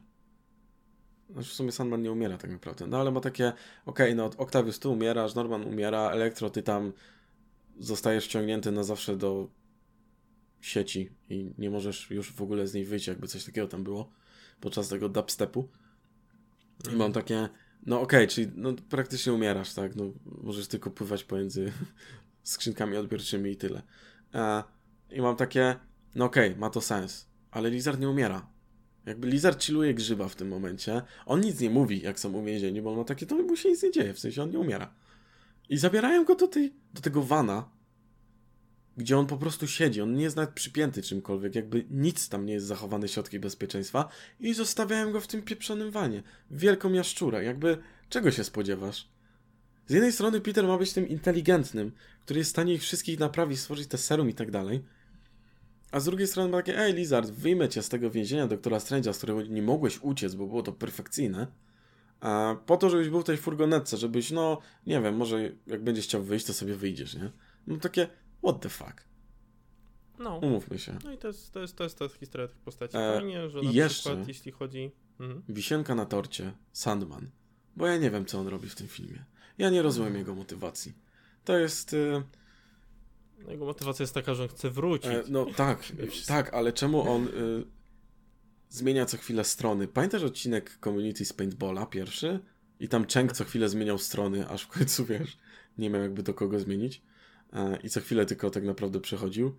E, wchodził w sojusz z innymi, potem zrazu i tak dalej. To jest dla mnie Sandman w tym filmie. Znaczy, on najpierw no. się pojawia. Ej, Peter, y, słuchaj, tam mnie uratowałeś, jesteśmy teraz ziomkami, pomogę ci z tym typem. Okej, okay, dobra, nie jestem tym Peterem, ale y, odeślę was potem. Dobra, spoko. O, teleportowałeś elektro, jednak jesteś pojebany, mam zamiar cię zabić. Zostałem zamknięty, okej.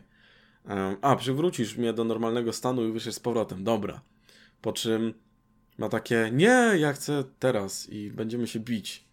Po czym jest finał tak, i on tak. ma takie, haha, teraz pokonam cię elektro, bo chcę wrócić do swojego świata i odzyskać tą kostkę, którą ty też chcesz dostać i tak dalej. Ja mam takie, co, o co w ogóle chodzi? Tak, I jeszcze tam jest, tam jest kompletny... Na domiar no, wszystkiego, no... jak pojawia się, słuchaj, Spider-Man Maguire'a, który no mieli mega jakby taki, wiesz, ważny ten wątek na, na koniec tamtego filmu trzeciego.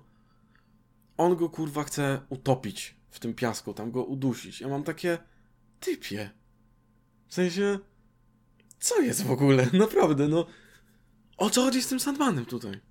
Mhm. No więc jakby potwierdza to to, że jakby te pozostałe postaci nie, pozostali wilanie jakby nie mają jakby za specjalnie tutaj no, no, to jakby wraca ten odwieczny motyw, co nie? Jakby mogliby tutaj połączyć, naprawdę znaleźć jakiś jeden powód konkretny, yy, dla którego może każdemu z nich by na tym zależało, jakieś taki, no, albo... takie stakes, no bo jednak no i wiesz, oni z jednego powodu jakby pojawili się tutaj, jakby, znaczy inaczej. No tak, z jednego powodu pojawili się tutaj, jest jedna jakby historia za tym, to dałoby się na pewno jakoś sprawniej połączyć. Eee, dlaczego, dlaczego na przykład oni do tego stopnia no, tak są nastawieni, gdy ta ich motywacja jest za tym, tak? Eee, no powiedzmy z jakąś tam różnicą, mniejszą czy większą, eee, ale tak, no też zauważyłem na to, że ten Sandman tam zniknął tak kompletnie bez powodu i nagle, nagle chciał atakować wszystkich. Co odwala mega dziwne rzeczy, autentycznie nie rozumiem. Dziwne rzeczy, fajnie, że naprawili ten strój elektro, no ale to jest taki mały tam shit, nie? Mhm. No i teraz jakby y, skupiamy się na tych wilanach i trochę na tym takim mięsie tego filmu, no bo tym, ten film też się sprzedaje trochę. Mhm. E, no i jest ta historia Petera Parkera, gdzie no y, high moment tego wszystkiego to jest ta właśnie utrata e, Aunt May, e, to, że on jest trochę na skraju właśnie tego no stania się w zasadzie takim... No chęci zemsty, no, po prostu. W, w, w, chęci, tak, no zemsty, zemsty za, za ten i to jest w ogóle to jest akurat ciekawe w kontekście tej postaci Toma Hollanda, no bo jeszcze nie mieliśmy takiego momentu, nie? Gdzie on do tego stopnia był, wiesz, co by się nie działo, tak? Mhm. On nie miał takiego momentu, że, że, że do tego stopnia chciał na przykład się na kimś zemścić mhm. i, i, do tego, wiesz... E, więc to jest w tym kontekście tej postaci ciekawe i może to jest też ciekawe mm, w, kontekście tej jego decyzji ostatecznie, no bo też nigdy w tych poprzednich filmach nie doszło do tego stopnia, że wiesz, ktoś na przykład mm, przez jego błędy zmarł, i to jest znaczy, chyba jedyna nie, doszło, różnica, doszło, którą... doszło, doszło, doszło. Wujek Ben. No co ty? Postaci Toma Hollanda? A, Toma Hollanda, dobra, ja myślałem, że odwołuje się do tych wcześniejszych Spider-Manów. Okej, okay, okej, okay, no. e, nie było takiego motywu e, w dwóch poprzednich częściach tak, tak, tej, tej trylogii z Tomem Hollandem, że, że wiesz, że to, że to nawet jego głupie zachowanie, czy to, że czegoś nie dopilnował, miało swoje konsekwencje. Um, bo tutaj w zasadzie też tak jest, tak, że jakby Ant, ta, ta ciocia May jakby trochę zachęcała go do zrobienia dobrej rzeczy, mhm. do bycia tym dobrym e, e, w tym wszystkim, e, ale to, że on jest właśnie taki nierozgarnięty, roztrzepany i, i, i, i wiesz, e, e, no, i przez to jakby gdzieś tam się potyka, to, to w zasadzie to doprowadziło, tak, do tego, że, że ona ostatecznie umarła. Mhm. Um, i, I to jest jakiś, to, że on jakby siebie widział, jak, w jakim stanie był po tym, to jest dobry motyw, żeby na później, no, później na, na końcu tego filmu mieć takie, nie, nie chcę, nie chcę jednak ryzykować. To jest chyba jednak za dużo. Ja widzę, gdzie mogę skończyć, nie? Znaczy, um, chciałbym zaznaczyć, że ktoś mu pomaga zrozumieć tą decyzję i to jest y, Jezus tego filmu, czyli Spider-Man Maguire'a, który zatrzymuje Jesus, ten ścigacz e, Goblina. Tak. I to to akurat było super, w sensie, bo no, to jest, on jest tym, który właśnie ma... Tak, tak, tak, on miał wkroczyć. Tak, no. oni mają się od niego odbić i coś zrozumieć. I jeden, i Spider-Man mhm. Garfielda, i Spider-Man e, Hollanda. I, i, i to mhm. jest spoko. Bardzo mi się podobało, tak abstrahując na chwilę, jak został tam dźgnięty i potem stoi z tym Garfieldem i ten Garfield mówi do niego, boli jak cholera, co on? Ta. On takie, okej, okay, oni wiedzą, nie? co się dzieje. No. E, no dobra, to... Hmm przejdźmy może... E, no, środek tego filmu to jest takie, no, miszmasz. Miszmasz tonalny i miszmasz wszystkiego, co się dzieje. Z jednej strony mamy tą komedię, z drugiej strony mamy ten motyw łapania, z trzeciej strony Doktor Strange złapał 3 czwarte tych ludzi już za niego i zostaje uwięziony w tym e, wymiarze, tym, e, tym innym wymiarze, z którego korzysta często Doktor Strange. I jeżeli znasz super geometrię, to też możesz korzystać. Tak, teraz był fajny moment. Mm, powiem tego, że tam CGI było tragiczne, ale tak to ten. I. Ale wiesz, sam motyw tego, y, że no, to w jakiś sposób jest nauka. I, i wiesz, Peter spojrzał na to z innej strony i też był w stanie jakoś ograć tam Strange'a. To, y, to akurat było fajne. Um, no i mamy, mamy ten finał. No i parę rzeczy. Bo a, jeśli spojrzymy na te inne, te dwa wcześniejsze filmy, eventy Infinity War i um, Endgame, um, to ten finał, uh, no tam też, zwłaszcza w Endgame, tak, tam, tam było też sporo fanserwisu, uh, ale taka główna różnica to to, że w tamtych filmach te finały były faktycznie epickie i były faktycznie, miały skalę. Czułeś tą skalę tych finałów. Jak tam Thor pojawia się w tej Wakandzie, jest ta wojna tych armii, w Endgame jest ta scena z tymi portalami przecież, no czujesz po prostu rozmach tego wszystkiego. I to, że to ma być faktycznie takie wielkie i epickie, że do tego ten, te filmy dążyły. Tutaj mamy walkę w nocy na rusztowaniu. No, gdzie sporo rzeczy nie widać i ten. Załadujmy generyczne tło numer 12. Bo no tak ten finał wygląda. Mamy tam sceny akcji, które mm, są źle napisane. Y, w wielu momentach po prostu nie wiesz, gdzie jest który z tych Spider-Manów. Znaczy, o, tak, tak. fajnie, że ten Garfield wyskoczył i złapał tą MJ, ale równie dobrze on dla mnie mógłby się teleportować tam, żeby ją złapać. Bo tyle wiem na temat położenia tych wszystkich postaci. E, przez to, że jest noc, Lizard kompletnie się zlewa z tym tłem i nie widzisz, co się dzieje. Wszystko jest tak, wiesz, niedoświetlone.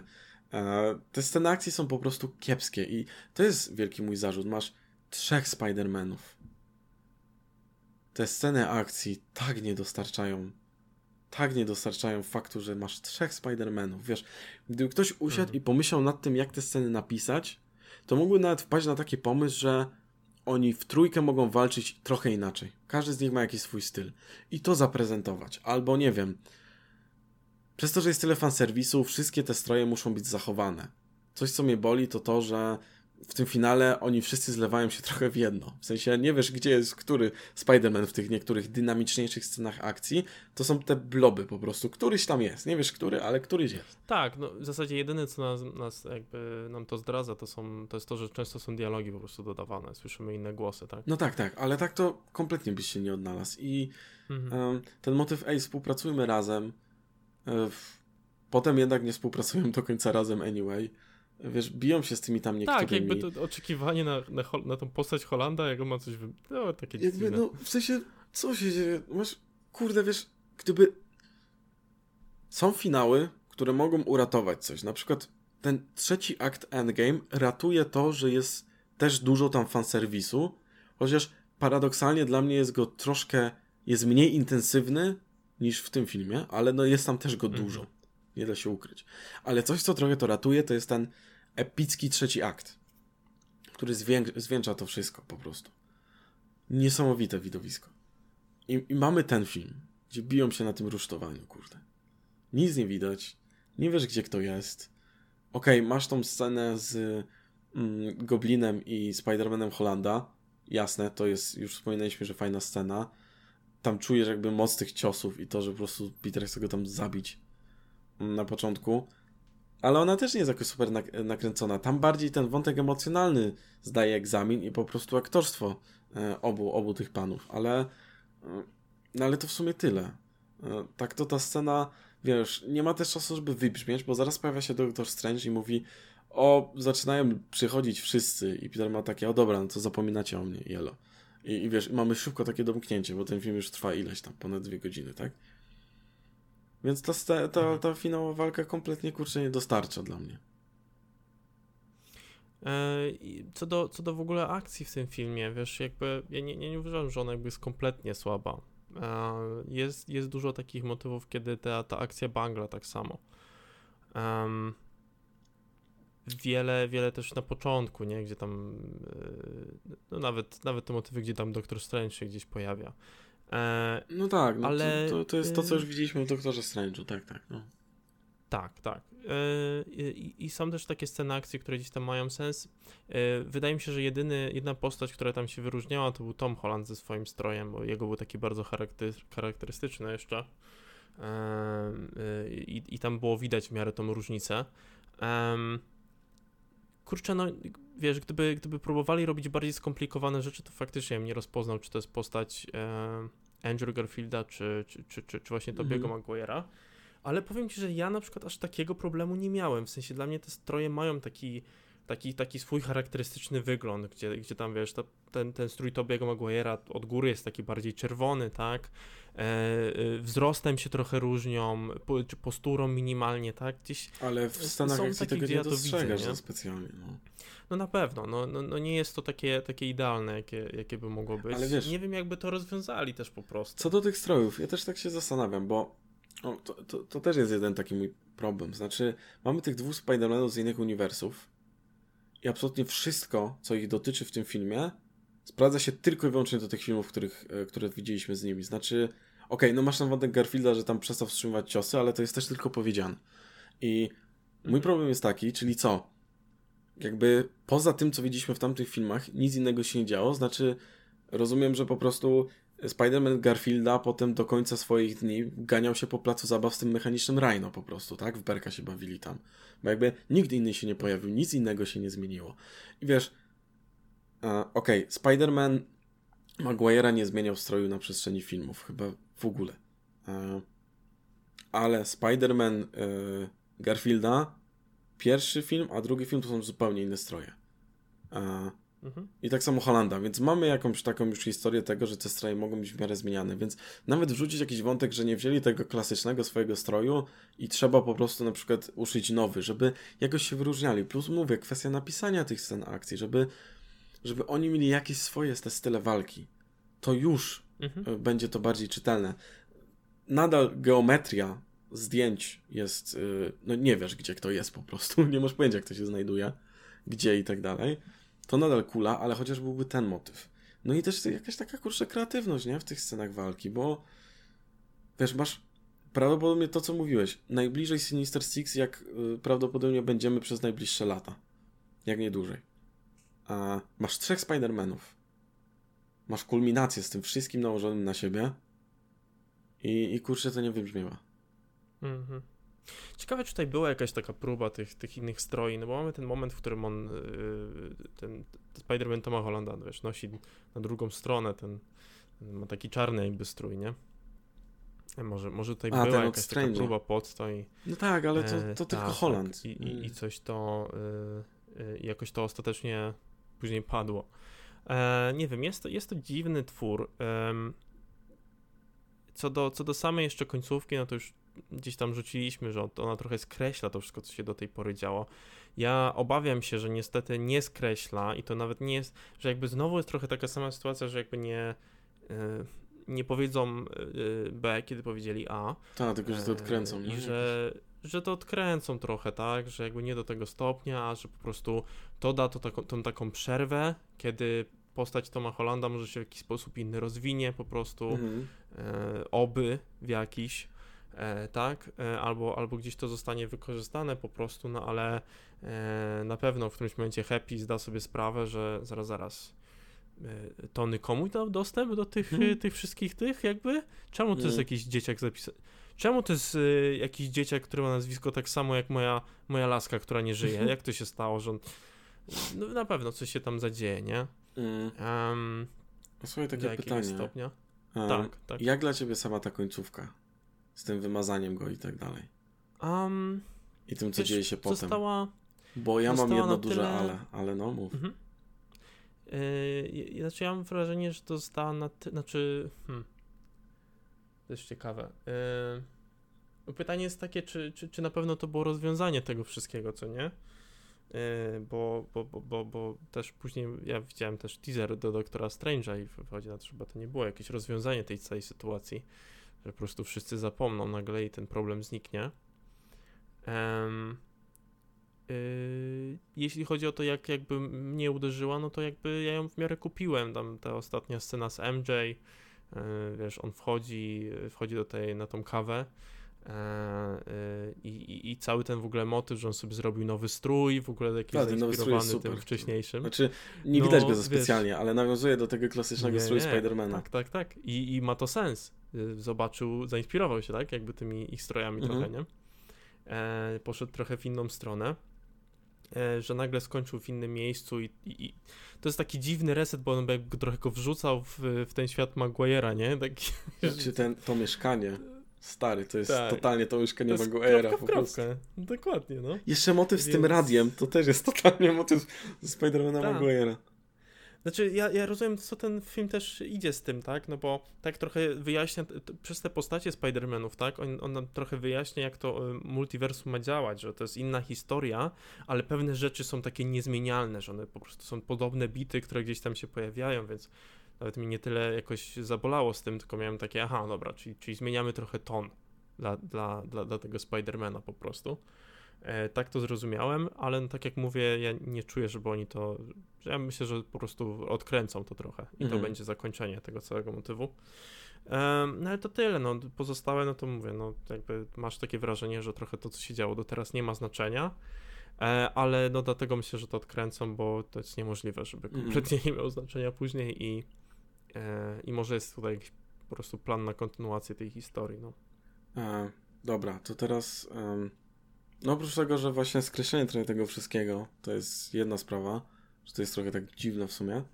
Mm, druga sprawa jest taka, że mm, znowu to sama droga właśnie Holanda, ale coś, co mi najbardziej przeszkadza w tej końcówce, to jest to, że um, znowu, scenariusz. Mamy wcześniej moment, kiedy on poszedł do Strange'a to wszystko odkręcić i mamy potem ważną scenę w kontekście końcówki z MJ gdzie on mówi do niej, przepraszam, że tak w sumie zadziałałem na własną rękę, chciałem wam pomóc przede wszystkim i ona ma takie, nic się nie stało, ale następnym razem, w sensie ona, wiesz, nie ma do niego pretensji, ale mówi tam coś w stylu, następnym razem e, jakby zdesz to z nami i, i, i ze mną po prostu i, i, coś wymyślimy. I on ma takie, okej, okay, już zawsze będę tak robił, jakby zawsze będę to brał pod uwagę. I masz no końcówkę. To tak nie robi, no. Gdzie on nie dość, że sam podejmuje decyzję, pojawia się i mówi siema, będę znikał zaraz i nagle jest takie, aha, fajnie, Peter.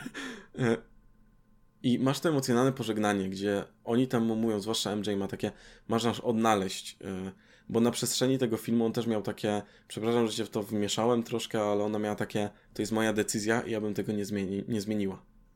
Mhm. I ona mówi, masz nas odnaleźć. On mówi, jasne. I masz to emocjonalne pożegnanie i masz tam scenę w kawiarni, gdzie on odpuszcza. I tak, tak. tak mnie znaczy... to wkurzyło. Znaczy, e, nie, o co mi chodzi? On w tym momencie odwalił największego dupka na świecie. On odebrał decyzyjność tym dwóm postaciom. Co przysiąg tak, się, że nie tak. będzie tak robił, bo to ich była decyzja, żeby być przy nim przez cały ten czas. Oni mogli dużo wcześniej odejść, ale to była ich decyzja i on po prostu zabrał im tą decyzyjność. Największy dig move dla mnie w całym mm. tym filmie po prostu. I to, to też tak, gryzie tak. się z tym scenariuszem, znaczy... który ma miejsce e, e wcześniej ja mam nadzieję, że to, ten temat się, się ruszy z powrotem. Znaczy, że, że jeśli ta postać będzie dalej, jego ta historia będzie rozwijana, to to wróci, że, że to, to, nie, to nie powinno tak pójść, nie? W sensie on, on to był w jakiejś formie, to był jakiś błąd po prostu, co nie?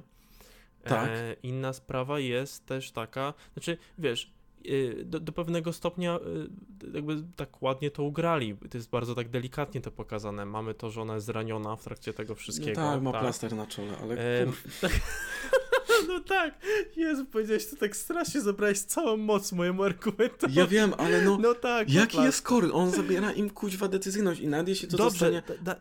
odkreślone, znaczy jakby e, zmienione w następnym filmie, nie zmienia faktu, że ten film kończy się w taki, a nie inny sposób. No okej, okay, okej. Okay. O, o co mi chodzi? Że, że, że zostało to ugrane w ładny sposób, tak? W tym filmie on kogoś stracił, ktoś został zraniony przez niego, e, a tu mamy motyw, że on po prostu widzi, że ona faktycznie, i to jest taki autentycznie moment, kiedy widzimy taki pstryk w jego podejściu i, i, i podejmuje inną decyzję. Swoją drogą, e, e, jakby my nadal wiemy, że oni idą dokładnie na tą samą uczelnię. Znaczy właśnie, tu... on to miał książkę jak zdać chyba maturę, czy coś takiego. Nie, na, bo on musiał stworzyć sobie jakąś nową tożsamość, no.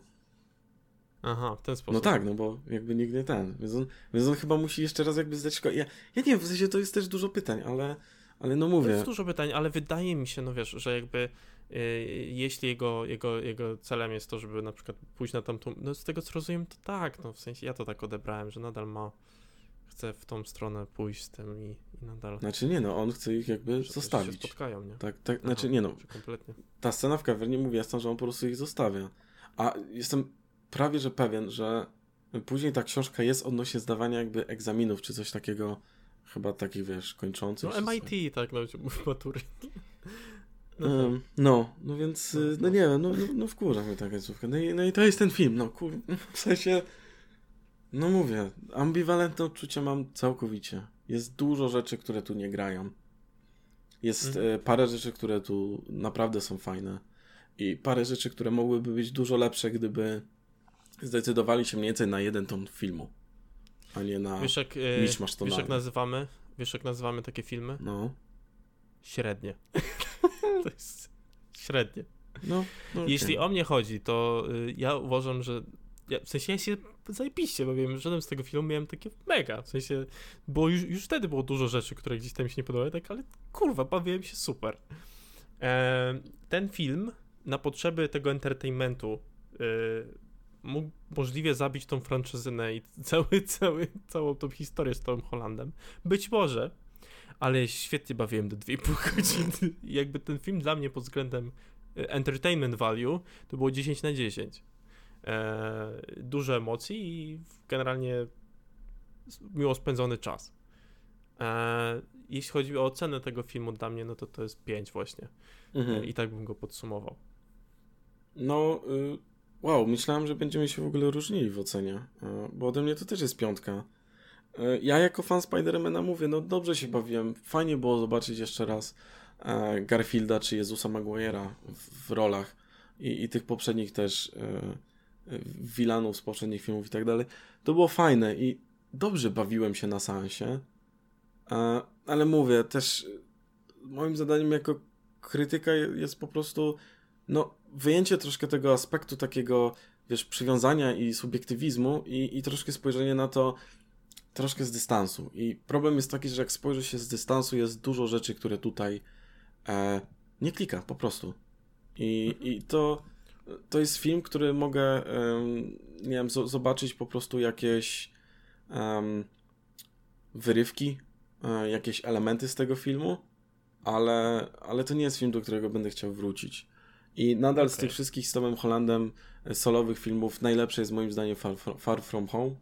A jeśli miałbym mm, zrobić mm, tak, tak. E, jakieś takie, nie wiem, na szybko nawet top 3 e, najlepszych po prostu tych e, filmów ze Spider-Manem żywego planu, no to byłby to na pierwszym miejscu Spider-Man 2, na drugim um, dałbym Spider-Man Far From Home, a na trzecim dałbym pierwszego Spider-Mana od Sam Raimi.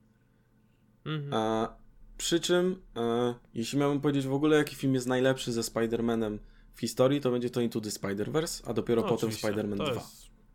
E, I to absolutnie. Nie ma jakichś wątpliwości. E, ja, ja, nie dziwię się, że cię zmyliłem, bo ja to robiłem to celowo. Jakby zacząłem mm. od y, powiedzenia tego, że no, że chyba ta pierwsza część Spidermana to najgorsza z tego, znaczy z Toma Hollanda. Tak, trochę, trochę to. Tak, ja, ja w ogóle myślałem, że bardzo ciepło przyjąłeś ten film, nie? Tak. Nie, to ciepło. No ciepło, bo, bo jakby nie wrzuci. A, ten, ten konkretny, ten mhm. już, tak? No Way Home. Y, no bo, ale tak, ale dlatego, że ja się na nim dobrze bawiłem. Nie, nie, nie? Ja to był po prostu dla mnie kawał doświadczenia. Eee, czy to był dobry film? No nie. Nie. No. Jakby to jest. Ja, ja, mam taki sam stosunek, jaki wiesz, ty masz do, do, do serii e, o Laprikornie. No, oh. w sensie to są, mm. to są gówniane filmy, mm. tak? B-klasowe e... złoto po prostu. Tak, 2, 3 na 10. E, czy się fajnie ogląda? Super. Tak, fajnie no. się ogląda. I... I ja chciałem, ja dlatego mówię, że jakby wydaje mi się, że mógł trochę zabić tą, tą, tą historię, ile jakoś tego, coś czegoś fajnego z tym nie zrobią dalej po prostu. Możliwe, że, że nawet zabił trochę tą postać Toma Hollanda, chociaż biorąc pod uwagę, jakim doświadczeniem wydaje się być ten film dla wielu mhm. osób, e, to, to może tak się nie stać po prostu i zostanie to zapomniane.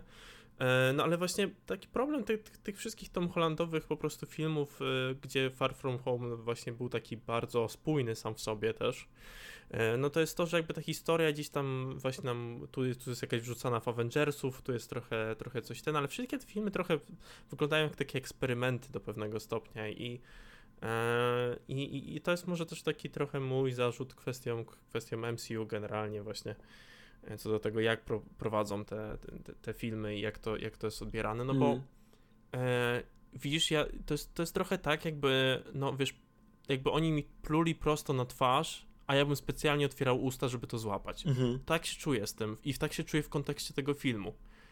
E, mm-hmm. Bo oni złapali mnie za jaja nostalgii, poprowadzili po tym wszystkim i mi nawet nie jest głupio. Mm-hmm. Ja, ja bym poszedł jeszcze raz i bym to zobaczył. E, i, i, I coś, co mnie cieszy, no to fajnie, że jak na przykład te powroty właśnie widzieliśmy do tych poprzednich części, e, że właśnie pojawił się Willem Dafoe i jego postać została trochę pociągnięta, że widziałem te interakcje pomiędzy Spider-Manami, które naprawdę były fajne, że zobaczyłem jeszcze raz e, Andrew Garfielda e, jako Spidermana i, i, i zobaczyłem chociaż przedsmak tego, co, co mogłoby być, gdyby te filmy były fajnie poprowadzone, mhm. te Amazing Spider-Many. E, więc tak jak mówię, ja bawiłem się dobrze. Mhm. E, w kontekście e, jakby, wiesz, w kontekście filmów i, i, i jakby doceniania całego kunsztu filmów, to, to ja się naprawdę muszę zgodzić z tym, że trochę, trochę to wszystko zaczyna mm, przypominać właśnie park rozrywki, a nie, a nie jakby faktyczne jakieś zamiłowanie do, do, do, do kamery, mhm. do, do filmów. I, I staje się właśnie doświadczeniem 10 na 10 mhm. filmem średnim mhm. bardzo często. Po prostu. Um, tak. I to jest to moje doświadczenie z tym. Jeszcze jedna rzecz, tak chciałbym poruszyć na sam koniec, bo troszkę myślę o tym, tak zahaczyliśmy, jak mówisz, o Paul Leprikona i tego, że generalnie fajnie się to oglądało w kinie. I, i, z jednej strony ktoś może powiedzieć, no fajnie się oglądało w kinie, ale tutaj wiesz, zarzuty i 5 na 10. A to nie jest tak, że film musi być dobry, żeby się też spodobał. To, to myślę, że warto to rozgraniczyć, bo wydaje mi się, że u wielu osób to jest, e, to musi być równoznaczne. Na przykład, jeśli spotkasz osobę, która wychowywała się na prequelach Star Warsów i je kocha, ja mam takie super, że je kochasz. Tylko no, to są bardzo kiepskie filmy, ale nic nie zabiera, żebyś je kochał, tylko zdajmy też sobie sprawę z samego poziomu filmu. I ja mam tak na przykład z Leprikonem, z całą serią. Ja kocham tą serię. Czy to jest y, kiepskie B-klasowe kino? No Kurwa, jak najbardziej. Ale nie zmienia faktu, że ja po prostu kocham tą serię. Ale gdyby mnie ktoś zapytał, czy to jest dobry film, powiedziałbym nie. I powiedziałbym dlaczego, a potem powiedziałbym, dlaczego kocham tą serię, z jakich powodów. I, i trzymajmy się tego rozróżnienia, bo, bo mam wrażenie, że czasem, zwłaszcza w niektórych fandomach, jest, e, jest jakiś taki gniew, jeśli ktoś skrytykuje i taki najazd na kogoś, mhm. a, a to nie o to chodzi. Możesz kochać nie, film, ale jakby... zdawajmy sobie sprawę z Jasne. poziomu też filmu. Tak, tak, tak, dokładnie. E, I na tym, na tym wydaje mi się też, że wiesz, no, ciężko jest czasem jednak odseparować się od tych, e, od tych emocji, które mamy właśnie związane z jakimś, z jakimś mhm. konkretnym, czy to serią, czy to właśnie z jakimś konkretnym filmem, konkretnym, e, e, konkretnym e, właśnie takim utworem, tworem. E, no i tak, tak jak mówisz, jakby to kompletnie nie o to chodzi, nie? Jakby ty możesz sobie, e, możesz sobie do pewnego stopnia e, uważać, że wiesz, że, że prequele ci się super oglądało, masz mhm. świetne wspominki, lubisz sobie do nich wracać, a, a, a, zdawać sobie też sprawę, że może nie są to najlepsze filmy, a z drugiej strony, jeśli nie chcesz sobie zdawać z tego sprawy, e, to też w to nie musisz wchodzić, po prostu e, rozgraniczmy te dwie rzeczy, mhm. nie? Tak? To jest na tej samej zasadzie, na której um, e, wiesz, możesz jarać się Hogwartem i, i śnić jakby codziennie rano budzić się i myśleć jakby było super, mhm pojawić się w szkole magii, a z drugiej strony uważać, że J.K. Rowling jest po prostu słabą osobą e, i że niespecjalnie mhm. lubisz. No, albo wiesz, e, możesz co, co, kochać no. to uniwersum i niektóre filmy. No, ale no, fantastyczne zwierzęta, no, nie są zbyt dobre, umówmy się. No, come on. Znaczy w ogóle nie ma co dużo tak. dobrych filmów, e... jeśli chodzi o Harry'ego Pottera. E, trzeci. Słuchaj, e, jest to nasz ostatni e, podcast w tym roku. No i dojebaliśmy. No kompletnie. zaoraliśmy dwie godziny. Mordo, mówiłem. Dwie godziny. Zjarać się i możemy e... mówić, nawijać. Nie możemy. Ja, oczywiście to był żart. E, ja do niczego się nie przyznaję. Ja nie, w ogóle nic ja nie ten. E, ale y, no w przyszłym roku y, wchodzimy z jak to powiedzieć po polsku? Z wybuchem. nie, nie wiem jak to inaczej po polsku. Z przytupem, o. Wbijamy tak. z przytupem w przyszłym roku, bo Um, zaczynamy od y, ulubionego tematu Michała. Będziemy y, przedstawiać swoje listy za naszym zdaniem najlepsze filmy z tego roku. Uh, I je mniej więcej tak pokrótce omawiać. Uh, ja nie mogę się doczekać, bo ja bardzo lubię ten temat. Bo moim zdaniem jest to ja... fajna kopalnia filmów, znaczy no, można coś tak, wyciągnąć, tak, tak. jakieś rzeczy. lubię takie listy, nie? Ciekawe. Przez samo nawet y, układanie miejsc, tylko przez takie dzielenie się tymi wrażeniami filmowymi. Moim zdaniem to jest coś, co Aha. najbardziej powinno się z tego wyciągać. I ja nie mogę się doczekać, um, wiem, że ty tak y, trochę mniej, bo sprawia to tobie ja dużo Ja mam trud. nadzieję, że będziemy mieli to, zas- znaczy wiesz, no ja będę się świetnie bał, jak będziemy siedzieć po prostu o tym wszystkim rozmawiać, ale e, e, numerowanie rzeczy, wrzucanie i kategoryzowanie ich jest, jest dla mnie ciężki, Rozumiem. długi proces. To jest długi proces. E, całe szczęście, w tym roku faktycznie jakby śledziliśmy w miarę wszystkie premiery. Eee, może jeszcze parę jeszcze takich filmów, które uda mi się złapać i nadrobić e, szybciutko, mm. jeśli będzie taka możliwość po prostu złapać e, złapać niektóre filmy. E, no ale tak, podsumujemy sobie ten jakby ten rok i, i po prostu produkcję e, wszystkie, które naszym zdaniem są warte uwagi, a tak już jak w zasadzie podkreśliliśmy w ogóle w lutym już wydaje mi się, e, to ten rok się w ogóle ciekawie bardzo zaczął. Mhm. A, no, i, I do teraz było chyba, dużo takich, tak, tak, mieliśmy, mieliśmy już takie, a, kurczę, ciekawe, ciekawe, ciekawie się otworzył. E, i, I do teraz jakby produkcji dużo było bardzo ciekawych, więc no więc co? Y, w takim razie widzimy już się na nowy rok. Y, wam życzymy szczęśliwego nowego roku. Jak najbardziej. E, oczywiście. E, zdrówka przede wszystkim. No i słyszymy się e, już na nowy rok.